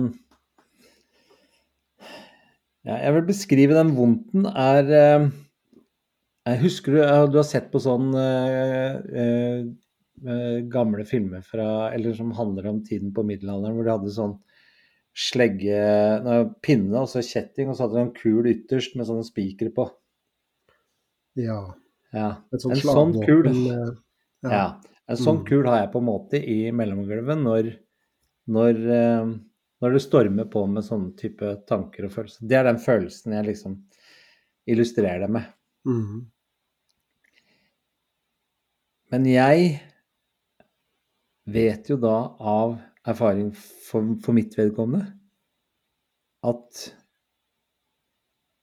de følelsene oppstår som regel av et eller annet jeg enten tenker, eller observerer, eller ser, eller merker på kroppen. Typ da, ta at du kommer inn i en turbulens. Før jeg i hele tatt rekker å slå opp øya og begynne å tenke en eneste tanke, så er kroppen min allerede Mm. i full alarm. Amygdala fyrer av før jeg rekker i hele tatt å trekke pusten. Mm.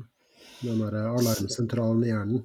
Ja, sånn at den eh, jernkula spreker ut med alle spikerne i løpet av et brøkdel av et hundredels av et sekund. Mm. Så på en måte Sjokk er et kanskje litt overdrevet ord, men, men den følelsessjokket når det kommer, så får jeg ikke forhindret at det skjer alltid. Mm.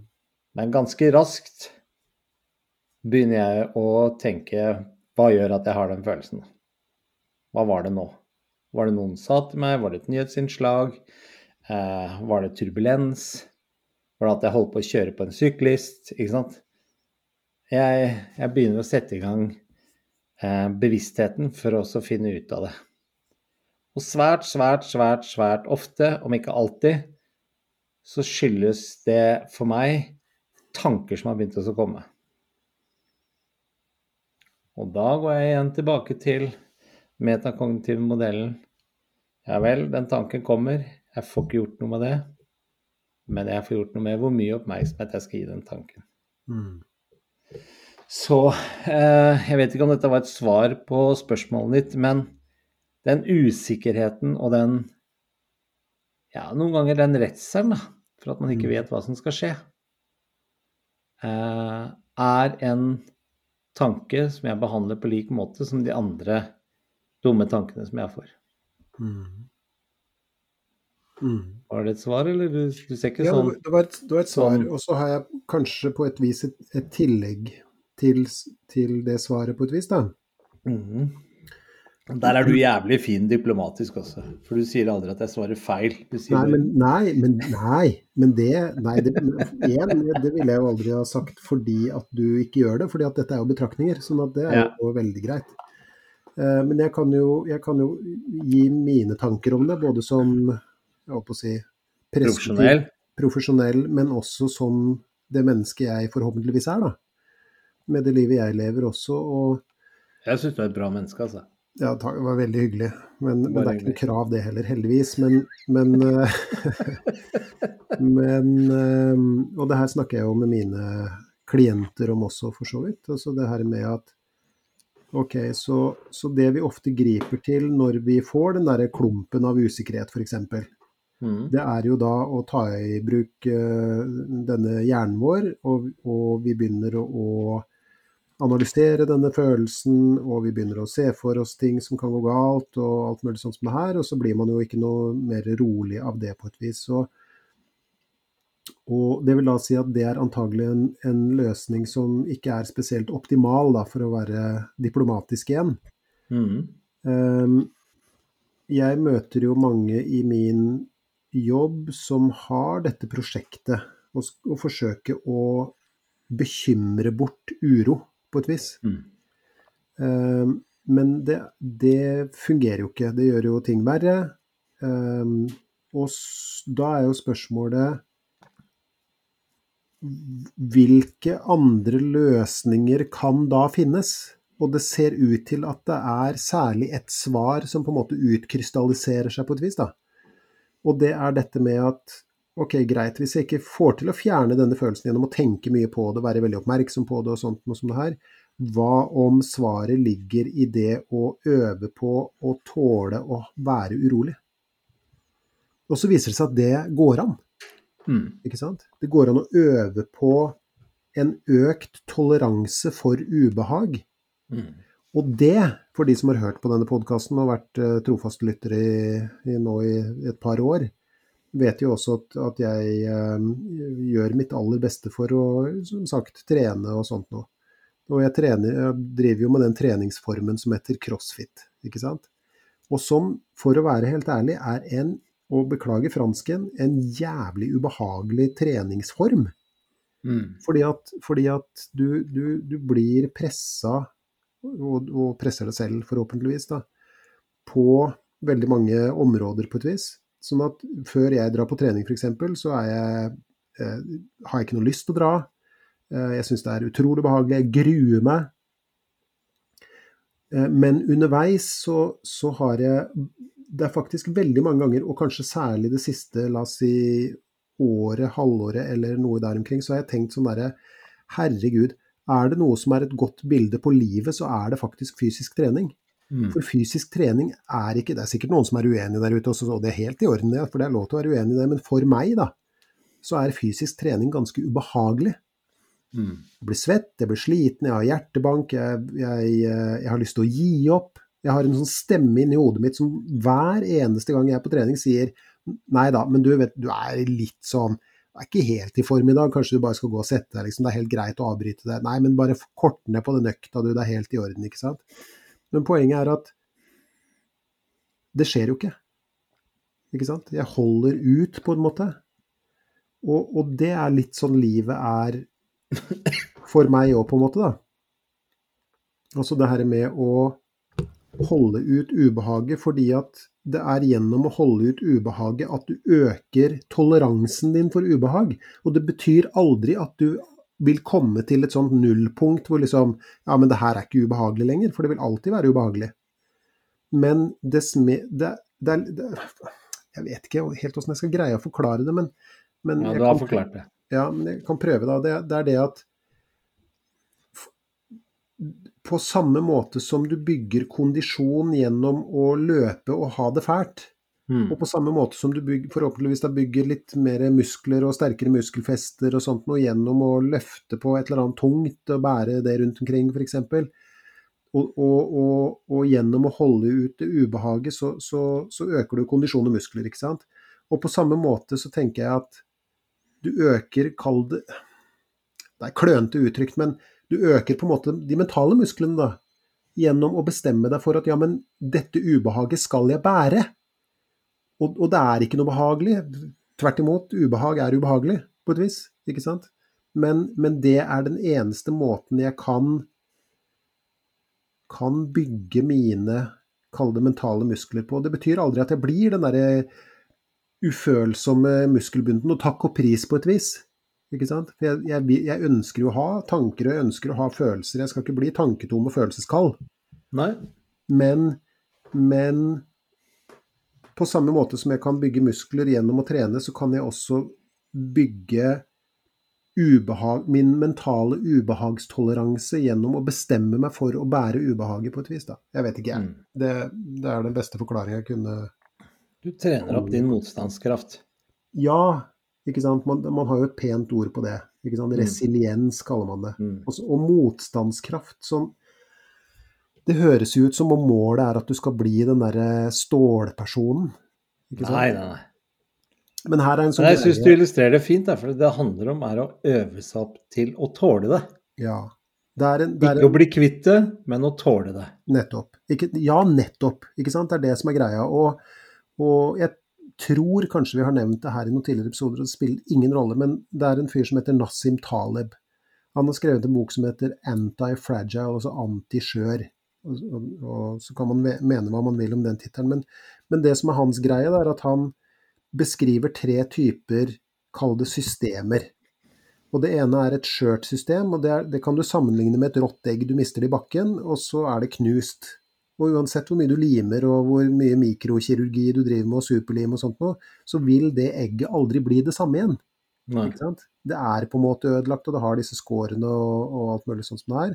Og, og det er litt vanskelig å få den ødelagte eggeplommen hel igjen og inn i egget og sånt noe. Så det er det, det, det skjøre systemet. Og så beskriver han et system som eh, som du best kan sammenligne med la oss si en kube av herda stål. da.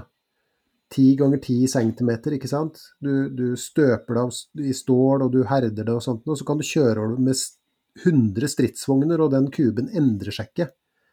Det vil da si at den er ekstremt robust, Mm. men den har heller ikke potensialet for utvikling. Men det som da er hovedpoenget til Nassim Taleb, da, og, og sånn som jeg har forstått den, så, så gjelder det alt fra mennesker til type sånn bedrifter og finansielle systemer og samfunnssystemer og sånt noe. Det er da det han kaller antiskjør. Anti-fragile. Og det er det systemet som, når det blir utsatt for belastninger, så vokser det seg mer motstandsdyktig. Mm. Og det er akkurat det vi mennesker gjør. Mm. Det er som, det er, jo det som er selve livet, sånn som jeg tenker på det. da. Ikke sant? At vi får Altså livserfaring er nettopp en slags sånn antiskjørhet. For at vi vet Det er litt sånn som du beskriver med den base, den én på, på slutten. eller ikke sant? Altså, du har vært igjennom ting før. Du har en, en erfaringsbase. Du vet at du er i stand til å håndtere det til tross for det ubehaget det medfører. ikke sant? Og det er kanskje det som også, hvis vi skal bare ta en sånn innskutt bisetning på det, som kanskje er noe av problemet med også å være ung. At du har ikke den si erfaringsbasen. Ja, ikke sant? Ja. Du har ikke den erfaringsbasen ennå. Men, men vær trygg, du kommer til å få den fordi at livet serverer det til deg. Mm.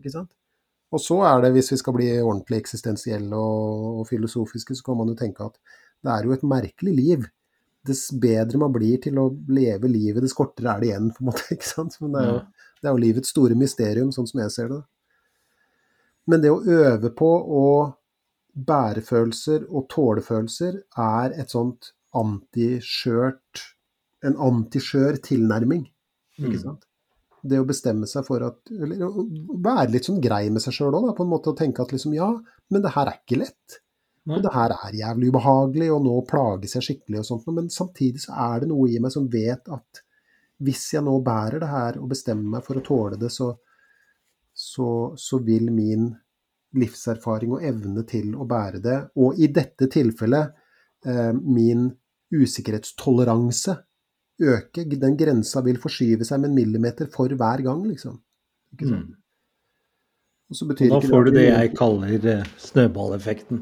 Ja, ikke sant. Men altså, ikke sant? Fordi at det, det betyr aldri at jeg vil være ufølsom for situasjoner hvor jeg står overfor usikkerhet, enten de er liksom litt sånn indre eller ytre, da.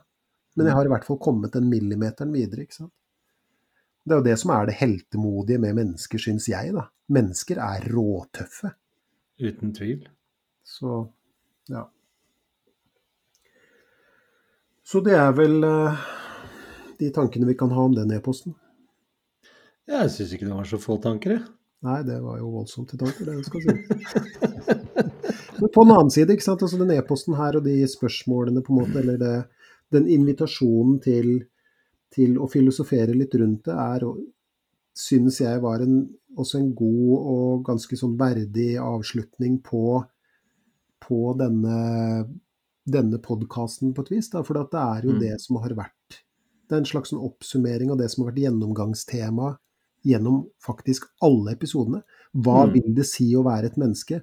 Og Mm. hvordan kan vi leve dette livet så godt det lar seg gjøre, med alle de påvirkningene og problemene og smertene, både fysiske og psykiske, som, som et liv innebærer, på et vis. Mm. Ikke sant? Hadde vi visst dette her når vi starta, så hadde vi kalt den podkasten her hashtag livet. Jeg skulle tro det. Men kan, ikke, Mm. kan, kan du ikke kalle showet ditt det? Foredraget. Ja? Ja, Foredrag? jeg var sånn når du sa det, så tenkte jeg ah, typisk. Ja. akkurat det foredraget skulle hett. Ja, men hvorfor ikke kalle det det? Jo, jeg har bestemt det nå. Når du sier at det er greit, så gjør jeg det. Ja, men det er greit for meg. Ja. Det er ikke noe sånn derre Men det er kult. Det er kult. Men du, du får, selv om vi har holdt på nå i 1 time og 20, så får du ikke lov å avslutte enda. Fordi eh, hvis vi nå er ferdig med besvarelse på den mailen, hvilket jeg føler at vi er, Mhm. eh, så har jeg også lyst til at vi skal bruke litt tid i dag på å om ikke oppsummere, da, så i hvert fall en liten sånn um, Q&A. Ja, jeg skulle til å si en liten kua på, på oss to, Uh, hvordan vi har opplevd alle disse episodene. Uh, så jeg har laget faktisk uh, jeg har laget, du, du kan se det ikke, lytterne våre, men jeg har, jeg har laga noen spørsmål som jeg er spent på Mm. hvordan du vil svare. Mhm. Eh, og så jeg tenkte, hadde ikke det vært en fin måte å avrunde eh, denne podkasten på at vi, at vi oppsummerer personlig Mm. hvordan denne reisen har vært. For vi har jo hatt litt oppsummeringer underveis i sånn sommerepisoder Ja. og juleepisoder og sånn. Ja. Men, eh, men ja, nei, jeg er veldig med på det. ja. Jeg har også noen spørsmål til deg, men har du lyst til å, å starte, eller? Nei, du kan si første spørsmål, du. Skal jeg gjøre det? Ja. ok. Jeg er spent på om det er samme spørsmål som jeg har laget. Ja. ja, det skulle ikke forundre meg, faktisk. Eh, men ok, da har jeg lyst til å starte med um, ok. ok, jeg starter med kanskje det som er et litt stort spørsmål, men, men likevel, da. Det her er jo din Det blir jo din utfordring, holdt jeg på å si. Mhm. De årene vi nå har jobba sammen, Mhm. Med både show og podkast og alt mulig rart, hva, om noe, er det viktigste du har lært i løpet av disse årene her? Så spørsmål tre der. Hva har du eventuelt, lært både av podkast Ok, ja, der ser du. Ja. Tommy holder nå opp et ark for kamera, og han har akkurat det samme spørsmålet. Nei, men Greit, jeg kan svare på det også sjøl. Det er greit nok, det. Nei, men jeg kan svare først, ja. Ja. Hva jeg har lært av den tiden vi har jobbet sammen. Mm. Hvordan skal jeg kunne svare på det kortfattet? Det er ikke noe krav til presisjon eller noe sånt. Nei, men for meg så. Og husk på at uh, når vi to ble kjent med hverandre, så var jo jeg på et av de kjipeste stedene jeg har vært uh, Ikke den kjipeste, men en av de kjipeste stedene jeg har vært på i livet. Hadde det ikke noe godt i hele tatt. Sånn at for meg så er det jo veldig lett å se at liksom før vi begynte å jobbe sammen, så hadde jeg det sånn. Og nå når vi har jobbet sammen i hva er det for noe, fem år eller noe sånt nå, så har jeg det sånn. Er det én ting jeg likevel peiler seg ut som hovedgreia av det jeg har lært eh, av å jobbe med deg, er å ikke jump to conclusion, hvordan kan jeg si det på norsk? Hoppe til Før jeg har tatt meg tid til å tenke på det én og to og tre ganger på um, Jeg kan ta et eksempel som jeg syns var veldig, veldig, veldig, veldig lærerikt. I begynnelsen når vi to kjente hverandre, så med en gang jeg fikk panikk eller hadde angstanfall eller noe sånt noe, så heiv jeg meg på telefonen til deg eller på tekstmelding til deg. Fordi at min mestringsstrategi da var å få en beroligende svar av deg. Mm. Sånn at jeg kunne gå videre til neste bekymring eller angst eller grubling. Mm. Ganske tidlig så, så begynte du å avvise meg. Um, ikke på noe stygg måte, men det var sånn Ja, sorry, jeg er i middagsselskap nå, jeg kan ringe deg i morgen, eller eh, Nei, akkurat nå skal jeg på møte på jobben, så dette får vi eventuelt ta i kveld. Ehm, så med mindre jeg hadde skrevet at det var et eller annet, at det virkelig brant, da, så var du veldig, veldig tydelig avvisende på at du ikke hadde tid der og da. Så gikk det en liten stund, så fortalte du meg hvorfor du gjorde dette. For du ville ikke at jeg skulle lære meg opp selv til å få en mestringsstrategi hvor du satt på svaret, Mm. men at jeg måtte sitte på det svaret selv. Og så kunne du hjelpe meg til å finne måter jeg kunne trene eller øve på det og sånt noe. Eh, Men det ble en veldig sånn aha-opplevelse i lærdom om dette her for meg, akkurat det du gjorde. Og det eh, er nok antagelig Altså, jeg har lært ekstremt mye, men det er nok kanskje det mest nyttige, viktigste jeg har lært på de fem årene. Ja, det er, jeg, er jo, jeg er jo veldig glad for at du sier det, og jeg tenker jo at det viktigste for en terapeut da, Nå, nå er jo vi venner, ikke Mm. men vi hadde jo kanskje et annet forhold i begynnelsen. Ja, det Uten hadde at vi. jeg var terapeuten din på noen måte, men, men vi hadde på en måte den relasjonen. Ja, på et vis, ja, da. det syns jeg. Ja. Um, og, og kanskje noe av det viktigste for en terapeut er å gjøre seg selv overflødig. Mm. Det er litt som en, og uten sammenligning for øvrig, men litt som en forelder, det. Ikke Mm. sant? Altså, det siste du vil, er at barna dine skal bli avhengig av deg. Det Mm. siste du vil som, som uh, profesjonell innen psykisk helse, er at din pasient, klient, skal, skal være avhengig av det, og, og gjøre deg til en ny mestringsstrategi. Mm. Og så klinger jo det også inn i det vi akkurat har snakka om. Det her med å la den personen som plages med et eller annet, få en litt sånn avkjølingsperiode, og vente med å gå inn i det her, ikke sant. Og da Mm. har de jo en lei tendens til å, å legge seg, ikke Mm. sant. Fordi at eh, f.eks. da stressreaksjoner, eh, skråstrek angstreaksjoner, da, er ikke maratonløpere, de er sprintere. Så det er noe som oppstår og flammer opp i oss. ikke sant? Vi kan kjenne det ordentlig, ordentlig godt, Mm. men den følelsen legger seg ganske raskt. Mm. ikke sant? Så det var jo tanken bak det. Og du tok jo det poenget veldig fort.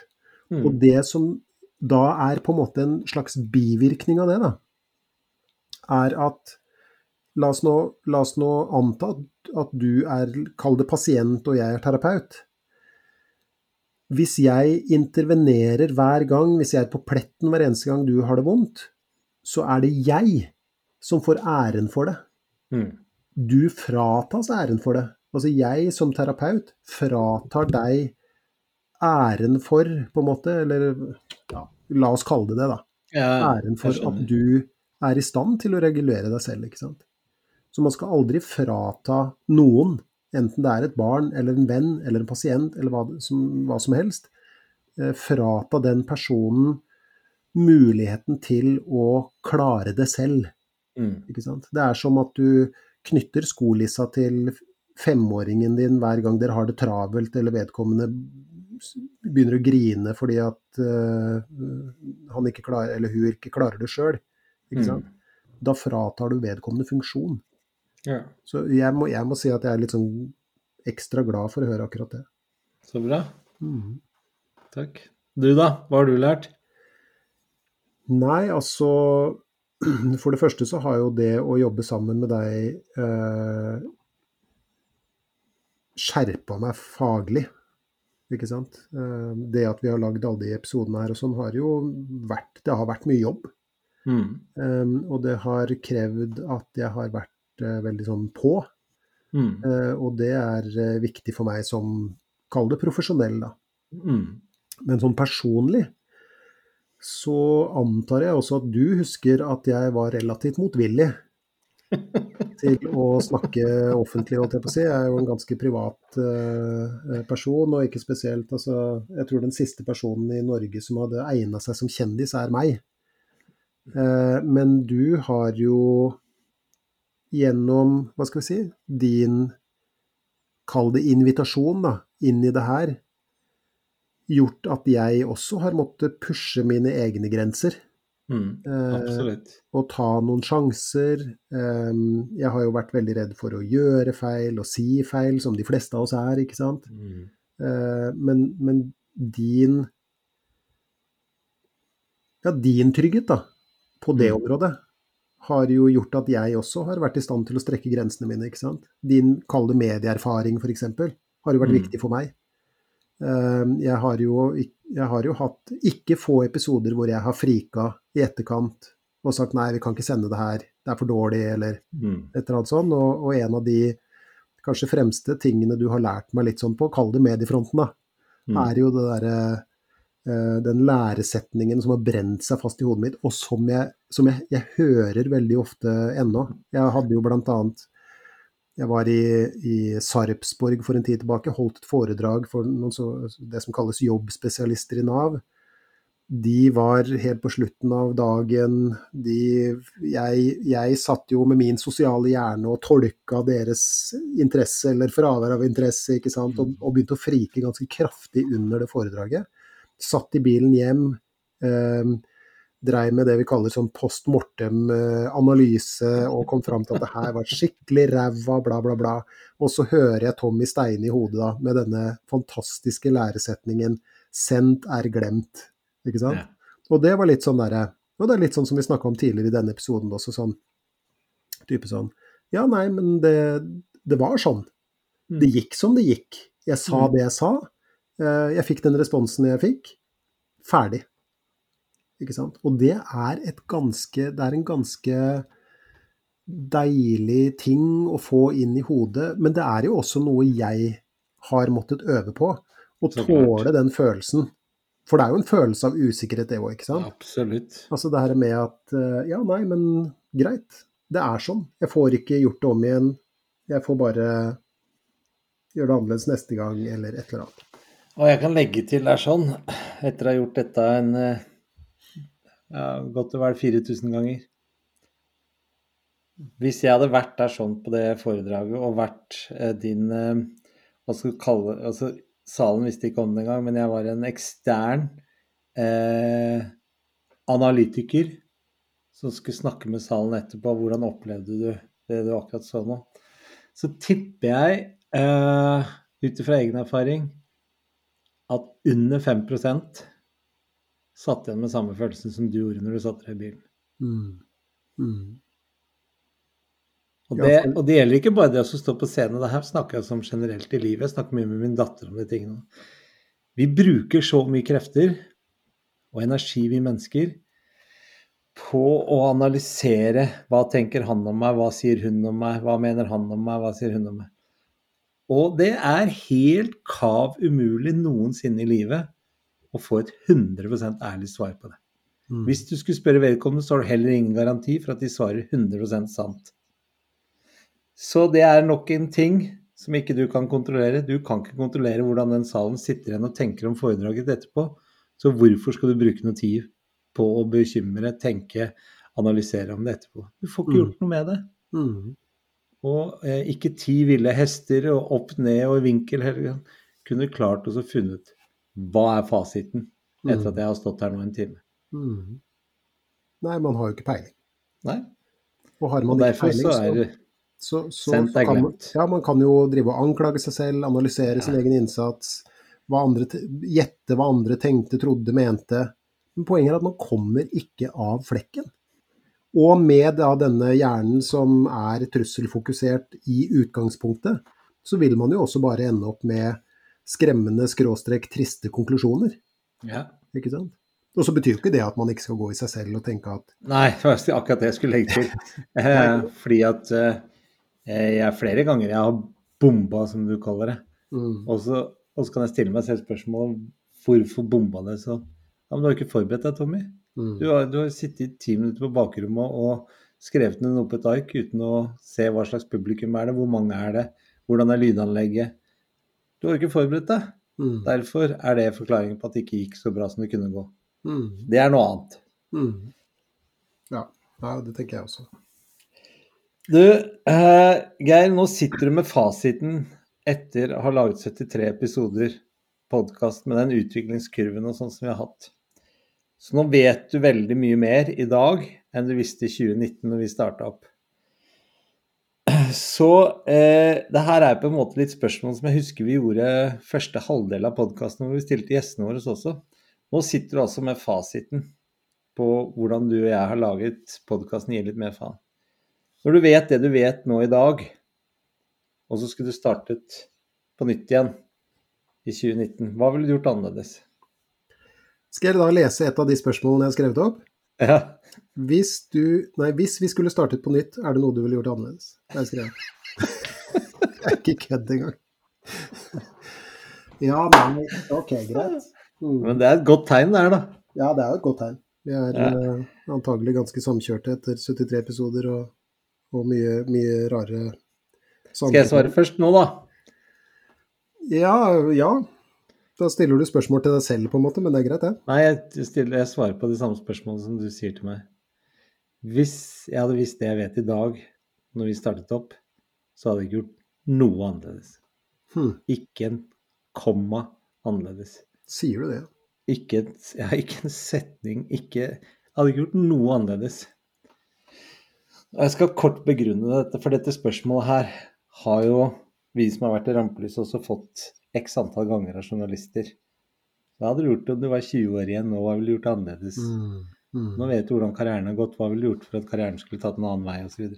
mm, Hvis jeg er fornøyd med det vi to sitter og lager i dag, og det er jeg, jeg er veldig stolt, glad, fornøyd og ekstremt glad i alle tilbakemeldingene og lytterne våre som har fulgt oss, mange siden starten. mm, Så jeg er veldig fornøyd i dag med det vi to har laget sammen. Og det er takket være at vi har gjort de feilene. Vi heiv oss ut i det. Eh, gudene skal vite at vi har gjort mange feil. Vi har slitt oss gjennom pandemier, vi har slitt oss gjennom studier. Eh, penger, mangel på penger, sponsor, ikke sponsor. Vi har hatt så lang reise. Men det, alle de faktorene har vært med på å påvirke at resultatet er det vi sitter med i dag. Som jeg er veldig fornøyd med. Ergo, jeg ville ikke forandret noe. mm. Ja. Nei, det har jo vært litt av en eh, reise, litt sånn jf. forrige spørsmål på et vis, da. Mm. Um, og jeg har jo lært ekstremt mye. Kanskje det viktigste, det jeg nevnte uh, nylig. Ehm, jeg har jo tenkt i etterkant, eller Da jeg selv skrev dette spørsmålet, så tenkte jeg sånn Er det noe jeg ville gjort annerledes? Og jeg er også stolt av dette um, prosjektet. Det viser seg jo at vi hadde rett på et vis, da, om man skal bruke det uttrykket. Um, hvis dette er til nytte og glede for én person, så er det verdt det. Og, og de tilbakemeldingene har fått mange av. Mange. mange. Og det, det, er jeg veldig takknemlig eh, for, ha fått lov til å være en del av det. Samtidig, men så, så, kan jeg jo liksom Jeg er jo litt sånn perfeksjonistisk sånn sett, kanskje. Ikke nødvendigvis alltid til min fordel, men, men jeg tenker jo at ah, hadde jeg visst bedre, så det er kanskje ikke referert så mye til den tida vi var i og, og sånt noe, men, men lagd noe som kunne stått um, Som ikke var sånn tidstypisk. Skjønner du hva jeg mener? Mm. Ja, nå er vi i juli 2020, liksom og det er pandemi, bla, bla, bla. Litt den stilen der, da. Men på den annen side så tenker jeg også at det er jo et slags En ting er jo at jeg håper jo at det her vil stå, og at det vil være til nytte også framover. At noen om fire år finner oss helt tilfeldig og begynner å høre på det og, og har noe, både glede og nytte av det. Mm. Men så, så, så, tenker jeg at det vil jo også stå som et slags tidsdokument. Mm. For det er jo som du sier, altså vi levde jo gjennom en periode som for de fleste av oss var veldig rar. Og mm. for veldig mange også var veldig vanskelig. Og vi flakka rundt i biler, vi satt i pissregn, og vi satt i glødende varme. ikke sant? Og du måtte åpne bildøra for det holdt å renne vekk, ikke sant? Og, og, og, sånne ting. Og det har vært et profesjonelt studio, og vi har sittet sammen hjemme hos meg og igjen holdt på å renne vekk, ikke sant. Ja. Og, og, vi fant etter hvert dette podkastprogrammet og gikk over til mer sånn elektronisk, og vi har hatt tekniske problemer. Her skal du få høre noe. Vi fikk en e-post fra en veldig hyggelig fyr Aha. som sa at uh, ok, greit, jeg skjønner at dere nå skal uh, avslutte og sånt nå, men hvis dere skulle finne på å ta det her opp igjen, jeg er IT-spesialist. Og trenger dere noen å konsultere med hvis dere går opp i problemer, så ring meg. Og det syns jeg altså var et så hyggelig tilbud. Tenk ja. det. det. er helt fremmed person som, ja, som liksom uh, tilbyr seg å, å, lære to middelaldrende herrer noe om data, liksom. Det er uh, ganske fantastisk. Så nei, jeg tror Lykke til. ja, lykke til med det. Men uh, ja, nei, men han kunne fjernhjelpe og det ene med det tredje. Altså, det var liksom, og det syns jeg altså var vakkert, rett og slett. Um, så, så, takk til den personen som skrev den e-posten. Men, uh, men summa summarum, nei, jeg ville nok ikke gjort noe annerledes, jeg heller. Kanskje hvis du og jeg hadde vært smartere sånn sammenlagt, så hadde vi nok brukt litt mer tid og krefter på å finne f.eks. en sponsor ikke sant? Som, som, kunne hjulpet oss å bære det her eh, økonomisk. Det har vi nå engang ikke gjort. Um, og synd for oss, men, men sånn er nå det. Men, men, eh, både den tida og de pengene vi har lagt ned i det, det jeg, jeg syns det har vært verdt det. Absolutt. Jeg støtter deg. Nei, ville ikke gjort det annerledes. Så bra. Da skal jeg gå til første spørsmålet jeg har på, på skjemaet mitt. Jeg hopper mm. litt. Hva er det beste minnet du har? Beste minnet? Mm. For jeg har laget 73 podkastepisoder sammen med meg. Mm.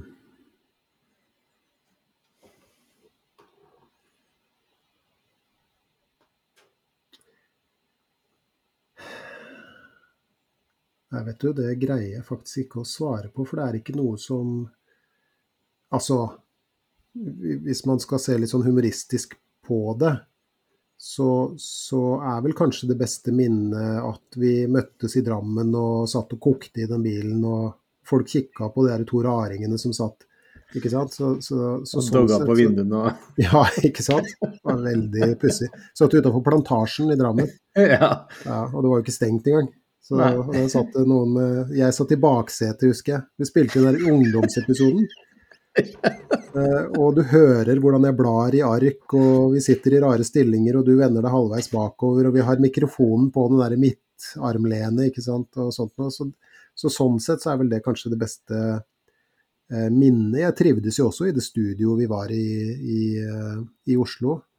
Reiste ja. inn der ofte sent på kvelden og og satt der og drakk, eh, drakk eh, appelsinbrus og litt sånt noe. Men, men, eh, men jeg, jeg, kan ikke, jeg, kan ikke, peke på noe spesielt.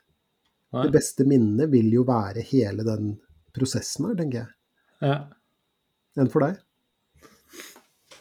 Nei, det er det samme tingene som du sier, samtidig som at jeg har så veldig gode minner for første gangen vi hadde besøk av husprofessoren vår. Jeg syns det var utrolig interessant. Jeg syns det var gøy når vi kjørte opp en grusbelagt bakgård for å treffe vår kjære venn Cecilie på hjemmefronten med bobilen mutters på natta gjennom en steinport og opp og satt meg fast med bobilen. Så nei, jeg har mange gode minner. Men klarer du å si hva du syns har vært det kjipeste minnet? Nei, kanskje ikke et kjipt minne, men det kjipeste syns jeg jo kanskje er at Altså den, den, den opplevelsen av å komme til kort, da. Mm. Og liksom merke at tida strekker ikke til. Eh, vi må begynne å gå fra ukentlige til 14 dagers eh, eh, podkastsendinger, eller hva man kaller det. Ikke sant? Og, og at vi nå legger ned, det, det, er, jo, det er, jo, det kjipeste. Mm. Jeg skulle jo gjerne ha fortsatt, men, men det, det, går liksom ikke. Ikke nå ikke nå. Og så, så, vet man jo aldri da, ikke sant, hva, hva fremtiden bringer på et vis. Um, så, så, så, sånn samla sett så er det det kjipeste. En litt sånn blir Kanskje å bli litt dramatisk, men, men, litt sånn dårlig samvittighet, da. Mm. For at vi har trofaste lyttere. Vi har folk som skriver til oss og som sier at det her har vært viktig, og sånn som det er. Og det er litt sånn jeg må si jeg av og til får litt sånn ah, tanken på å svikte litt, eller et eller annet. Men, men sånn er det nå. ikke sant? Så, men så tenker jeg også samtidig at det å gi seg nå, det er en slags ære i det også. Ja, og så sitter jeg igjen og tenker at uh, Og det vet jeg gjelder for deg også. Jeg har gjort absolutt det beste jeg kan. Mm. Jeg har strukket meg absolutt uh, maksimalt for å få til de ukentlige sendingene. Og eh, jeg har strukket meg masse for å få til de annenhver uke-sendingene. Finne på nye temaer. Har masse Vi sier at vi har sendt 83 timer. Du kan vel gange det med fire-fem antall timer med forberedelse, tanker, mm. opptak, opptak som ikke har blitt noe av, teknikk som er svikta. Så, så ja, jeg syns det er kjipt å slutte, men uh, jeg plages ikke så veldig av dårlig samvittighet, altså, for jeg, har gjort definitivt det beste jeg kan. Og jeg har hatt, jeg har hatt det jævlig interessant hvert et eneste minutt vi har vært på lufta. Mm. Så det er mitt svar på det. Ja. Har du et spørsmål, da? Jo, hvis, uh, for å, å, bli litt sånn uh, For å skru det ned mot det mørke et lite hakk, da. Mm. Eh, hvis du skulle si en negativ ting om meg som sånn co-podkastvert, mm. hva skulle det ha vært? For godt forberedt av og til. Hvordan da? Nei, nice. eh, bare overfor meg, ikke overfor lytterne. Eh, nei, da kom jo Altså, du er jo ekstremt belest. Eh, så noen ganger så har jeg tenkt sånn herre ah, jeg matcher ikke han i det hele tatt. Men eh, samtidig så har jeg tenkt at vi har jo på en måte hatt, selv om det aldri har vært avtalt på noen sånn klar måte, så har vi på en måte hatt hver vår rolle i dette her også. Så eh, Mens det som er, er når eh, du er ekstremt godt forberedt, som jo du er hver eneste gang, men noen ganger kanskje enda mer forberedt enn andre ganger. Eh, gjør jo at det naturligvis eh, Gjør sånn at jeg, eh, jeg kommer litt til kort, i mangel av et bedre ord. Eh, hvor, jeg, hvor, jeg, sitter og så blir mm, mm, mm, mm. Mm. Um, men når det er sagt, så betyr det ikke at jeg syns at for at du skulle blitt en bedre eh, podkastpartner, og du skulle forberedt deg mindre. Det er mer at jeg kanskje må ta lærdom av det og forberede meg enda bedre. Mm. Og det har jeg gjort underveis òg, altså. Så i Mm. begynnelsen så Så jeg vil jo si at jeg forbereder meg jo kanskje dobbelt så mye nå som det jeg gjorde på de første episodene. Mm. Men det er det eneste Og jeg syns ikke det er negativt heller, hvis du skjønner hva jeg mener. Mm. Nei, men jeg, jeg Så. Og du, da? Hva er det jeg Nei um...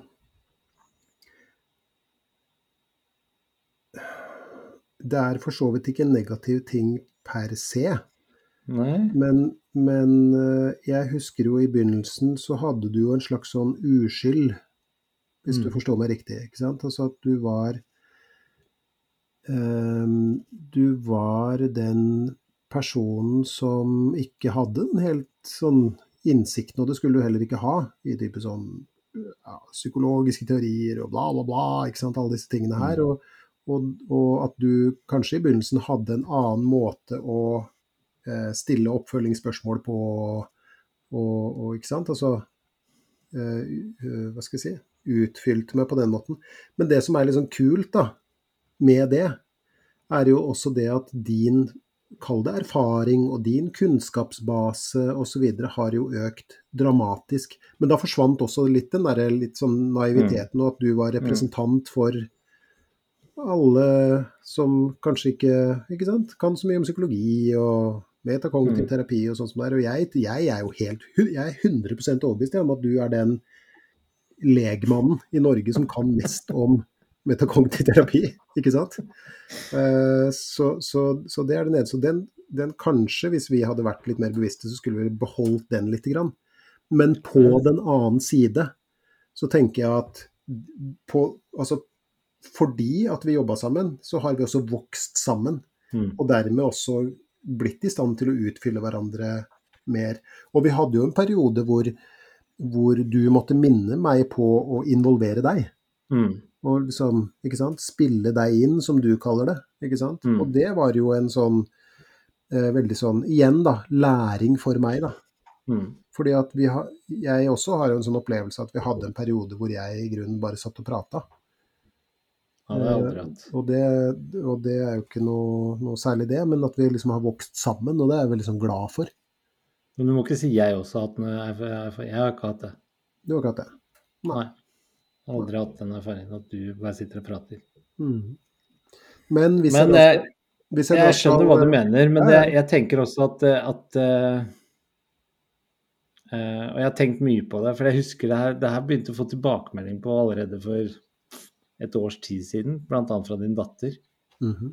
uh, men så har jeg opplevd og tenkt sjøl også at det hadde vært noe kunstig over det, hvis du skjønner hva jeg mener. At Uh, at jeg skulle sitte og late som om at jeg overhodet ikke skjønte hva betyr det ordet. Så I begynnelsen så skjønte jeg ikke det. Hva, hva menes med det ordet? mm, Hva betyr den setningen? Uh, OK, hvem er det som styrer det? Ikke sant? Og når man da sitter og veit Hvis jeg skulle sitte nå etter tre år Å ja, så Så man kan styre oppmerksomheten, ja. mm, Og, Ja, mm. ja, OK. Men hvordan styrer man det? Det hadde jeg følt har vært litt sånn kunstig. Da hadde sikkert noen sittet og tenkt sånn Det får da være grenser for hvor tunglært han er, han der Steine, da. Nå har han stilt det samme spørsmålet i tre år. Ja, så, så jeg tror det er veldig sånn en eh, Jeg forstår veldig godt savnet etter den biten. Men så Mm, tror jeg også samtidig at det er en naturlig utvikling av eh, Og gudene skal vite, vi jobber jo ikke bare sammen de halvannen-to timene vi lager podkast. mm, Vi har jo mye med hverandre å gjøre og reiser rundt, gjort jobber sammen og eh, snakkes jo også så mange ganger sammen eh, i løpet av den perioden fra et opptak til et annet også. mm, Så jeg tenker at det var en veldig sånn naturlig utvikling, og så um, har det vært veldig positivt for meg, da. mm, mm. Og det er um, Det klinger inn i neste, ikke sant? Mhm. Hvis jeg skal si Altså, nå er det veldig mye ved deg som jeg setter veldig pris på. uh, jeg snakka om deg med en treningspartner av meg her forleden som hadde begynt å høre på podkasten, hadde oppdaga den litt seint. Ja. Eh, og og jeg, jeg hørte meg selv eh, si det jeg ofte sier når jeg snakker om deg til andre. Og det, Og det er det at, at Tommy Steine, han er et menneske med stor M. ja, Altså det er en person med et levd liv som, som gjør så godt han kan, og gjør oppdagelser og lærer og, og sånt noe, ikke sant. Og, og jeg syns jo da, sånn sett i lys av det vi akkurat nå har snakka om, mm, at det har også vært, hva skal vi kalle det, utviklinga gjennom podkasten. mm, Um, at du har um, At du har utvikla deg også i den rollen du har nå som kaller det podkastvert, eller hva, hva man nå kaller det. ikke sant? Mm. Influenser eller et eller annet greier. Nei, det får du ikke lov å kalle deg. Jeg bare, jeg bare tuller. jeg bare tuller. Ja. Men, men at, at vi begge på en måte har vokst i den rollen, og også vokst oss tettere sammen. Mm. Og, og utfyller hverandre på en god måte. fordi at jeg vet at når jeg Og du har veldig sånn rett i det. ikke sant? Altså jeg kan være for forberedt. Og Mm. jeg merker sjøl, når jeg begynner liksom å kaldsvette og bli litt sånn hektisk i mine hva skal vi kalle det, utgreiinger og sånt som det er, så vet jeg at jeg alltid Jeg har visst at jeg alltid kan stole på deg. Fordi at du greier å lene deg tilbake og komme med de betraktningene du har, som, som gjør at på en måte jeg roer meg ned og kan begynne å ta tak i tråden igjen, på et vis. da. Så, så det skal du jaggu meg ha, altså. Tusen takk. Men var det et spørsmål i det der? Ja, det var litt sånn Si en god, god ting, ikke sant? Og det her var den, virkelig den gode tingen, Ja. ikke sant? En god ting av at vi har hatt deg som makker? Ja, men det, det jeg forteller nå, er den gode tingen ved å ha deg Altså en av flere gode ting ved å ha hatt deg som makker, er, er det at du har på veldig mange måter vært mitt trygge Trygge anker, på et vis. ikke sant? Mm. Så, så det har vært veldig ålreit. Men det er én ting til jeg har lyst til å si, og det slår meg når eh, du snakker til meg nå også, som, som jeg føler at jeg har lært veldig mye av på den tiden her. I mye større grad, og det er ydmykhet. Mhm. Hvordan da? Det er, jeg husker ikke hvem smarting som sa det engang, ja, men jo mer jeg lærer, desto mer forstår jeg at jeg ikke kan. Mm. Eh, og er det én ting Fordi at det, eh, som følge av mest sannsynligvis den podkasten her med litt forestillingen og de foredragelsene også, så begynner det å komme veldig mye henvendelser fra, fra både kjente og ukjente med folk med, med problemer og utfordringer i hverdagen som vi har snakket om mange ganger er vanlig i et levd liv. Men de opplever at de kan spørre meg om det. Eh, og Eh, noen ganger så har jeg også sagt at du, det der, det der blir Men jeg kan høre med Geir. Type, ikke sant? Men det har også gjort at eh, eh, jeg har blitt veldig mye mer ydmyk på hva det vil si å være et menneske. Da, hva det vil si å ha levd og lever. Eh, og hvor maktesløs man til tider kan føle seg, ikke sant? uansett eh, hvordan ståa er. Um, og det å bli mer ydmyk til livet har også vært en del av de positive eh, tingene som er mye større plass i livet mitt nå enn for bare fem år siden. Mm. Mhm. Men tenker du Ja, ok. Men tenker du at det har kommet av liksom podkasten, eller tenker du at det er en utvikling Ja. du ville hatt uavhengig av Kanskje, men på et mye lengre tidsperspektiv. Mm. Fordi at podkasten har jo vært Og sånn som du sier, det er 83 timer sendt eh, i løpet av eh, ja, snart tre år. da. Mm. Det er ganske mange timer intenst om et tema. Mm. Så jeg tror det hadde tatt mye lengre tid. Så ja, jeg vil uh, legge den æren på podkasten. Mm. At jeg om i hvert fall i det minste raskere uh, har blitt uh, oppmerksom på hvor viktig det er å være ydmyk til livet. Mm. Og ikke minst mennesker. Mhm. Mindre dømmende har jeg blitt. Mhm. Eh, og det har jeg lært mye av deg òg. Det å være mindre dømmende. Og det er utrolig befriende. Det er ekstremt deilig å være mindre dømmende. Hvordan da? Nei, det er eh, Det gir jo aldri noe godfølelse i kroppen at du dømmer et menneske uten at du har bakgrunnsinfo for hvorfor du skal dømme han. Ja, fy faen, han er sånn, eller hun er sånn. Det gir meg aldri noe godfølelse i kroppen. Mm. Men når jeg heller stiller meg spørsmål Jøss, det var jo en merkelig måte å reagere det på. Hva skyldes? Eller hvis folk oppfører seg utrolig irrasjonelt og skjeller meg ut etter noter, eller viser fingeren til meg i trafikken, eller skviser meg av veien, eller hva det enn måtte gjøre. Det å så klare å tenke forbi den der første irrasjonelle reaksjonen, tenke sånn ah, Shit, når han sier så mye slemt om andre mennesker, så må han, kan jo ikke ha noe godt sjøl. Ah, nei, det, det der høres ikke noe godt ut. Mm. Jeg har jo kollegaer som, uten at vi skal nevne navn, som er ekstremt flinke både i media og i miljøet til å slenge veldig med dritt og oppføre seg som sånn humorpoliti overfor alle sine kolleger. Jeg tenker stakkars fyr, han må ha mange demoner. Mm. Mm. Istedenfor at jeg for noen år tilbake Fy faen, han drittsekken, han skal faen meg få Hvem faen er det han tror han er? Mm. Han er så jævlig blei, ikke sant? Mm. Som ikke gir deg noe godfølelse, da. Mm. Men du Geir, hvis vi nå sier at dette er siste episode, Mm. og så snakkes vi sammen, eh, og det har vi jo egentlig gjort litt sånn på kammerset av og til også.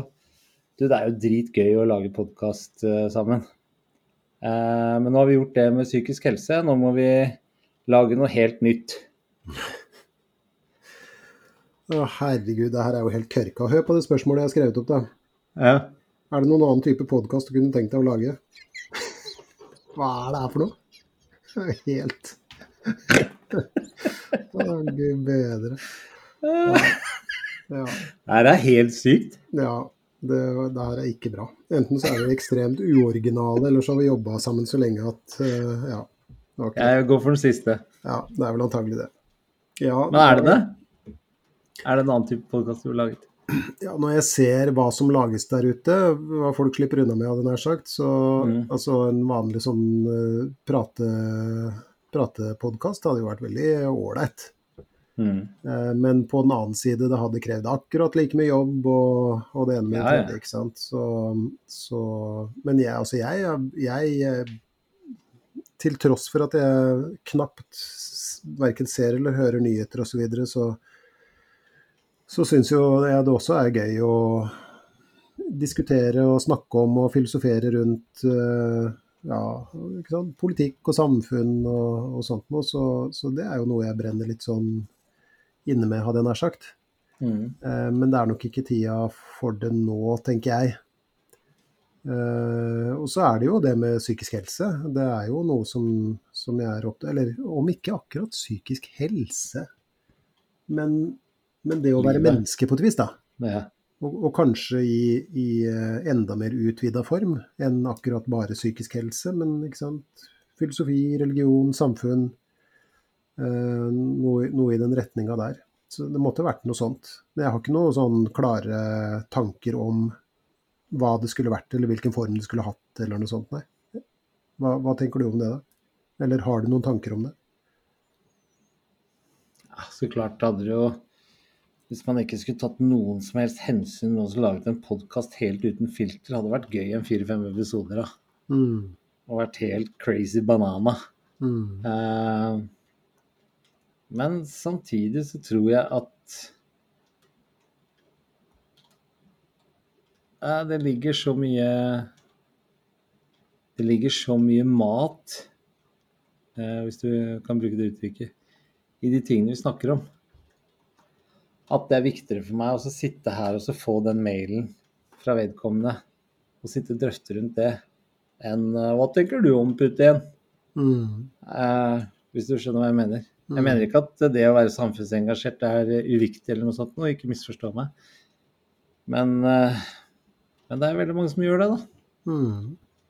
Så jeg tror jeg hadde laget Gi litt mer faen 2.0. Ja, og hvem vet? Altså, hvem vet? Nei, hvem Vi vet? jo ikke. Eh, Så, så jeg holder jo alle muligheter eh, eh, åpne sånn sett. Så, så Jeg har et eh, spørsmål til til deg. Jaha. Du har...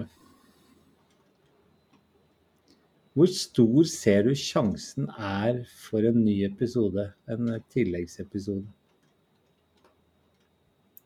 Vil du ha prosent? En gang eller før, før sommeren. brøk, eller før sommeren? Prosent, ja. Eh, f- 50-50, det er det eneste jeg kan Ja. si da. Eller Da 50-50 som det heter på norsk. noterer jeg det.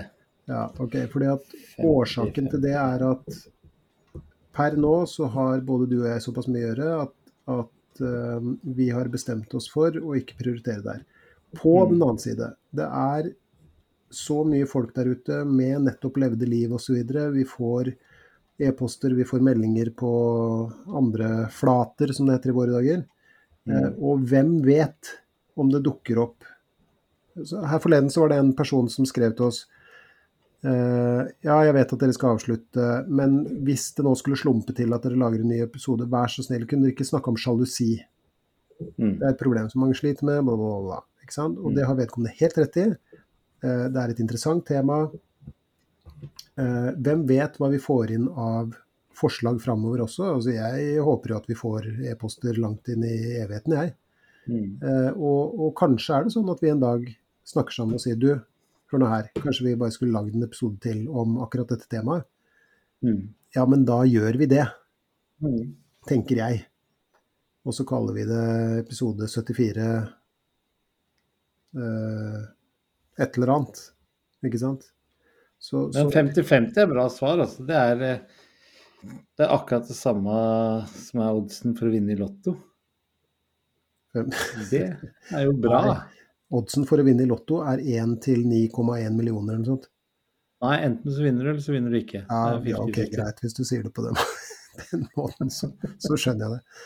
Men eh, nei, jeg vil si oddsen er noe større. Eh, Men, Ja. men det som er greia, er at per nå så, så skal vi ikke forplikte oss til det. fordi at vi har også andre ting som vi jobber med, som vi også ønsker å formidle ut til folk. Ikke sant? Jeg har hashtag, Hashtag livet. livet. Du har hashtag livet. Ja, hashtag livet. ikke sant? Sånn at der er det mye greier som, som foregår da. Så la oss nå si det sånn, vi vet ikke. Og hvis det er noen som er glad i oss der ute og, og håper på en ny episode, fortsett å abonnere på oss da på, i podkastappen. Så Mm. gudene veit, plutselig dukker det opp en, eh, en bonusepisode fordi at vi har bestemt oss for å lage det. ikke sant? Men jeg har et siste spørsmål til deg nå, eh, Ja, nå er jeg spent. er du klar? Mm. Hva nå, Tommy Steine? Det vil da si, hva skjer framover? Jo, eh, det er jo spennende ting som skjer, syns jeg. Fordi eh, egentlig så hadde jeg vel tenkt at eh, jeg kanskje skulle slutte å jobbe i barnevernet. Mhm. Hvorfor det? Og det er, som jeg sa til min leder, så derfor kan jeg si det her sånn også, eh, rent økonomiske årsaker. Mhm. Det er en fantastisk eh, fin jobb. Eh, man får faktisk eh, kjent på kroppen at man kan utgjøre en forskjell hvis man er villig til å gjøre en, legge stor innsats. Eh, men per nå så er det jo ikke noe interesse fra myndighetene til at folk som jobber ræva av seg innenfor helse og omsorg, eh, skal kunne klare å tjene nok penger til at man har et, eh, et i anførselstegn normalt liv. Da. Mhm. Eh, Så, så det var egentlig økonomiske årsaker. Så da tenkte jeg sånn ah, Jeg har ikke så særlig valg, jeg må, eh, jeg må velge. Men så tror jeg jeg har kommet fram til, og etter å ha snakka med mine ledere, som er super løsningsorienterte og er evig takknemlige for, at eh, jeg behøver ikke tenke enten-eller. Men kanskje jeg for en periode skal jobbe litt mindre innenfor barnevernet, sånn at jeg kan vie tid. For det er jo en gang sånn at den perioden vi går inn i nå, så er det jo mye forespørsel og mye oppdrag. Eh, Så kanskje det skal være når det er veldig sesong for at du skal holde på med det andre, sier de, så kan du jobbe litt mindre, men vi vil for all del ikke, og det er veldig fint sagt, vi vil for all del ikke at du skal slutte hos oss. Så vi er villige til å bli med og justere og, og sånn. Mm. Og så er det bare noen uker da, til at jeg skal ha premiere på dette foredraget, som da kanskje skal hete Hashtag livet. Mm. Um, så jeg jobber vel egentlig dag og natt med det. Um, og så skal jo min, uh, min kjære har jo skiftet jobb også, så hun tilbringer mer tid her ute. Så vi har mye praktiske ting som vi løser sammen her på Hurum, og det setter jeg umåtelig pris på. Uh, og så er den litt gneldrete, den valpen jeg har, så jeg må vie litt tid til å dressere den enda mer. Så det kommer til å ta tid. Uh, det er det som er på trappene nå. Mm. Og så gleder jeg meg veldig til jul, for i år så skal jeg ikke være på jobb i julaften. Og, men alle barna kan ikke være på julaften, så vi har bestemt oss for at vi skal lage amerikansk jul. For alle barn og kjærester og alt kommer på lille julaften. Så har vi liksom julefest da, og så skal vi stå opp på julaften sammen her på Hurum. Og så skal vi åpne pakker da. Oi. Så det gleder jeg meg kjempemye til. Så du, da? Bortsett fra tur til Australia. Nei. Hashtag livet. Hashtag livet. Det skal jo utvikles og videreutvikles. Vi var jo i kontakt med en herværende kommune som sa at dette må vi også ha til ungdoms- og videregående skoler. Helst ned i tredje klasse. Mm. På barneskolen, sa denne helsesykepleieren. Så mm. kanskje blir det litt uh, videreutvikling der også. Mm. Og det er jo helt utrolig interessant å jobbe, jobbe, med det her og få det digitalisert og spille det inn og redigere det og i det hele tatt. Og det er jo en veldig sånn spenning knytta til hvordan det eventuelt blir mottatt osv. Vi vet jo noe om det. Det er jo i bruk i en eh, i en kommune hittil nå, i det som kalles rask psykisk helsehjelp. Eh, og det har mm. blitt ekstremt godt mottatt. Så det er mm. veldig ålreit. Eh, og det er jo den derre Den iveren som vi begge for så vidt nå har hatt knytta til podkasten. Dette med mm. å spre eh, si, kunnskap og normalisering og trygging på dette som har med psykisk helse og det å leve et liv å gjøre. Så, og det er jo også det som engasjerer meg framover. Har noen tanker om en, å skrive en bok til. Eh, så det er alltids noe å, å, å, henge fingra i, for å si det mildt. da. Mm. Og så er det jo jobben, da. ikke sant? Og jobb er jo 100% og, og det må man jo selvfølgelig engasjere seg i osv. Og, så videre, og så er det jo alt, alt ved siden av.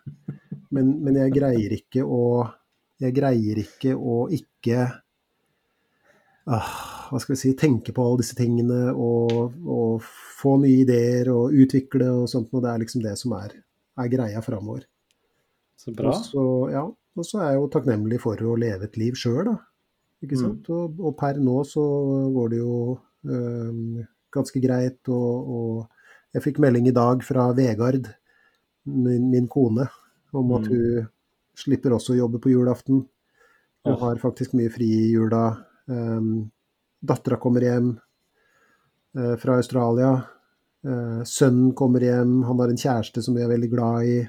Uh, hun skal være hos oss, om ikke på julaften, så i jula, ikke sant. Så, så det, er veldig, det er veldig OK, altså. Å leve dette. Og så er det under to måneder til sola snur. Det er det også. Ja. Mm. Eller jorda begynner å tilte tilbake på aksen sin, da. Ja. Det er vel mer korrekt terminologi. Ja. Så Nei, men da Summa summarum. Det er, eh, det er, nok å jobbe med. Og så får vi da jeg, jeg, håper jo at vi kan komme med noen bonusepisoder framover. Men da blir det når vi har anledning til det, og, og at vi tar opp spørsmål som er allmenngyldige for de aller, aller, aller, aller fleste av oss. Ja, og Skulle protestene bli for store her ute, så får de heller sende oss en mail. Ja, ikke sant. sant? Det tenker jeg også. Men før vi går over på e-postadressen vår, så, så benytter jeg anledningen til å takke alle, absolutt alle som har hørt på oss, og som kommer til å høre på oss, og som har kontakta oss, skrevet til oss, eh, kommet med skryt og forslag og, og sånt noe. Det setter jeg veldig pris på. Viktig. Det er noen som har skrevet og bestilt noen bøker. Um, de kommer. Uh, de skal være framme til jul. Men som sagt, ja. nå drar jeg til Australia og litt sånne ting, sånn at uh, da blir det etter det. Men, men mm. så kommer de i posten, altså. Men fortsett gjerne å sende oss uh, uh, e-poster og, og all verdens greier. Følg oss på Vi er på Facebook, vi er på, på um, Hva heter det andre? Jeg tror ikke jeg er ikke på sosiale medier. Instagram. Instagram. Ja, der er vi også. Og der kommer det jo nyheter om showet ditt, om eh, hashtag livet både i, i si show, nei, foredragsformat og i, i elektronisk format og i det hele tatt. Men rent bortsett fra det, send oss gjerne elektroniske brev. Og da skal de sende deg, Geir, til Gi litt mer F at gmail.com. Gi litt mer F i ett ord. Krøllalfa djø. Ååå Likte du den? Den likte jeg. Gmail.com. Right. Geir, tusen takk. Du er den beste podkastmakeren jeg har hatt noen gang. Takk det samme, Tommy. Det har vært en, en sann svir å lage podkast sammen med deg. Jeg er veldig glad for det. Jeg er veldig takknemlig for det. Jeg er veldig glad i deg. Og kanskje ses vi igjen i denne sammenhengen. Vi ses selvfølgelig igjen i andre sammenhenger, men, men eh, hvem vet? Det gjør vi. Tusen takk skal du ha så langt. Takk det samme. Ha det. Ha det.